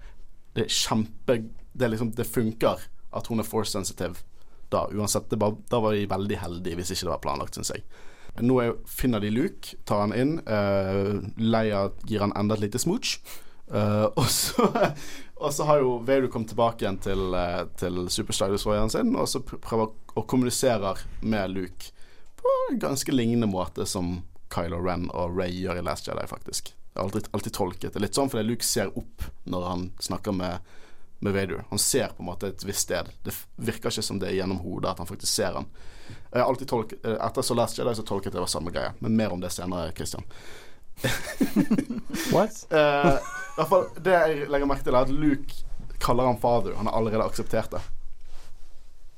Mm. Så tror du at det var like lett for han å si nei som det virker? Mest sannsynlig ikke. Uh, spesielt siden han har jo ikke hatt en farsfigur uh, gjennom hele livet. Alltid Ja, onkel blitt Owen fortalt la han ikke dra til Toshi Station to pick up some power converters. Det er Ja. sikkert Vader gjort. Altså, han har jo alltid trodd at faren var død. Eh, jeg, jeg tror jeg ville vært litt veldig usikker på uh, framtida hvis jeg plutselig hadde fått vite at min døde far ikke var død. Ja, har tatt dealen, jeg. For et kult Vært litt, vært litt speechless, for han er liksom Det skjer mye inni hodet hans når han får den informasjonen, han har tid til å process it. Ja. Men han fort eh, aksepterer at eh, det er faren, da. Eh, nå er jeg veldig glad for at eh, det er en gang C3PO sier noe som vi bør høre på, stol på Lando, men eh, når han sier at eh, R2 skal drive og fikse han istedenfor hyperdriven, så blir jeg litt irritert. Takk og pris at de klarer å fikse hyperdriven og komme seg vekk før Admiral Piet klarer å få de tractor beamen. Og dette er andre gangen Piet virkelig slipper unna Vader. For det her fucker han opp, og så er det Vader litt sånn Han ser på han, du ser at han bare sånn Og Vader bare går forbi. Eh, det kan jo hende at Vader er litt på et lavpunkt sjøl nå pga. dette med sønnen hans og sånn. Nå, eh, denne robothånden. Jeg har alltid vært imponert over den effekten. Eh, og det er jo bare det at Mark Hamill holder hånden sin veldig vinklet opp gjennom et bord, og så har de en falsk robothånd med masse uh, kretser og alt inni seg, og så får han en ny hånd som jeg gjør håndarbeidet for meg nå. Uh, og han kjenner ting, så det er ikke så big deal at han mistet den hånden, da, men den robothånden til Luke kommer jo til å bli veldig ikonisk i senere filmer. Uh, det er kul teknologi. Um, nå er det litt- noe så litt rart, da, for er nå, nå Eller vi får se første blikk av uh, opprørerarmadaen. Liksom litt foreshadow til store krigen som er episode seks, med stor armada som nesten ganske gjennomført ut. Større enn man forventer. Eh, Luke eh, og Leia og droidene de står og snakker med Lando og Chewbacca, som tar Millennium Falcon til Tatooine, for de skal redde Han Solo fra Jabba the Hutt. Og Lando virker veldig happy. Lando har nye klær. Hvorfor i helvete går han med klærne til Han Solo? Hvorfor det er ingen som reagerer på det? Ja, han brukte jo ikke- han brukte jo ikke eh, lenger. skapene. Det, han, han, bare, det er så morsomt med Robot Chicken der også, for det er alt Chewie sitt Det er en parodi der, så alt Chewie sier er bare sånn Er dere gale? Ingen som ser at han har tatt ha- Han Solo sine klær? Jeg tror han bruker etterbarberingsvannet hans også. Og så sier Lando It's a nice ammo belt you got there. Og så sier han sånn That's mine. uh, og det er en ting um, Det er litt sånn rar ting. Jeg og Håvard skrev det samtidig inn i notatene, eh, at eh, dette, dette var eh, dealen. Men i hvert fall Nå får jo vi en håpefull tone at han og Nei, Luke og Leia ser inn i, i galakse, galaksen, og at alle reiser vekk, og, og at vi skal håpe på å redde Han Solo i neste film. Og det var The Empire Strikes Back fra 1980. Og hva synes dere egentlig om denne filmen? Det, det blir min nummer to, egentlig. Jeg syns A New Hope er den beste, men det er kanskje fordi at det var den første jeg så, den første jeg fikk det Det førsteinntrykket. Star Wars. Det var noe eh, Ja, jeg vet ikke hva det var ubeskrivelig da jeg første gang så det. Men Det er respektabelt å mene, for nostalgi har mye å si. Min, min første Star Wars-film var f.eks. at jeg ikke ble Clones, så derfor jeg liker det. Nei, eller, dette er min favorittfilm i Star Wars-sagaen, og en av mine favorittfilmer av alle filmer. Eh, denne filmen Bare når vi satt og preppet dette arbeidet, satt jeg og gliste og nesten siterte med eh, hele filmen. Og jeg syns det er en mørk eh, mellomkapittel som mange andre filmer prøver å replikere. Han er Vader, eh, Vader. Empire Strikes Back var de som klarte det. Virkelig. Jeg er helt enig. Uh, jeg er utrolig glad for Altså, jeg liker George Lucas. Uh, altså, han er flink til å til å jeg skrive sånn, karakter... han er kjempemorsom, men Altså, han, Altså, han er, en fin han har fin historieskaper, men personlighet. han skriver bra historier, men manusene er ikke alltid like bra. Så jeg er skikkelig glad for uh, Lawrence Caston og eh, Lee Brackett, som uh, skrev manuset basert på historien til George Lucas. Ja, uh, de virkelig lagde et fantastisk film her. Mm. og eh, det som er litt morsomt, Christian, er jo det at uh, når denne filmen kom ut, så ble ikke den mottatt med veldig overveldende god kritikk. Det liksom, hva er det som skjedde? Hva var det som skjedde på slutten der? Hva, hva, hva er dette her greiene? Hva er de introdusert, introdusert her? Nesten i paralleller med en annen kjent, kontroversiell Star Wars-film som vi ikke har fått konklusjon på ennå. eh, som folk allerede hater før de vet hvor historien går. The Last Jedi. Så hva syns du om det, Christian? Er det litt paralleller mellom Empire Strikes Back og Last Jedi? Vi tar det i Last Jedi-podkasten. Eh, ja, men det, det husk å lytte til The Last Jedi når den kommer, for at eh, det kommer til å bli full krig. uh, men jeg, jeg elsker at dette, at dette avsluttes ikke med en happy ending. Det er faktisk tittelen har noe å si. The Empire Strikes Back. Er Empire som vinner her, basically. Eller de får ikke Luke på sin side, men de demoraliserer han totalt. Han Solo sin skjebne er usikker. Uh, originalt så ville jo han Solo at han skulle dø, da. Så det var, de han, gjorde han om til Schrødinger Solo, sånn at de kunne kanskje snakke med han og få han tilbake igjen. Eh, men ja, det, dette var den første originaltrilogien-film jeg så.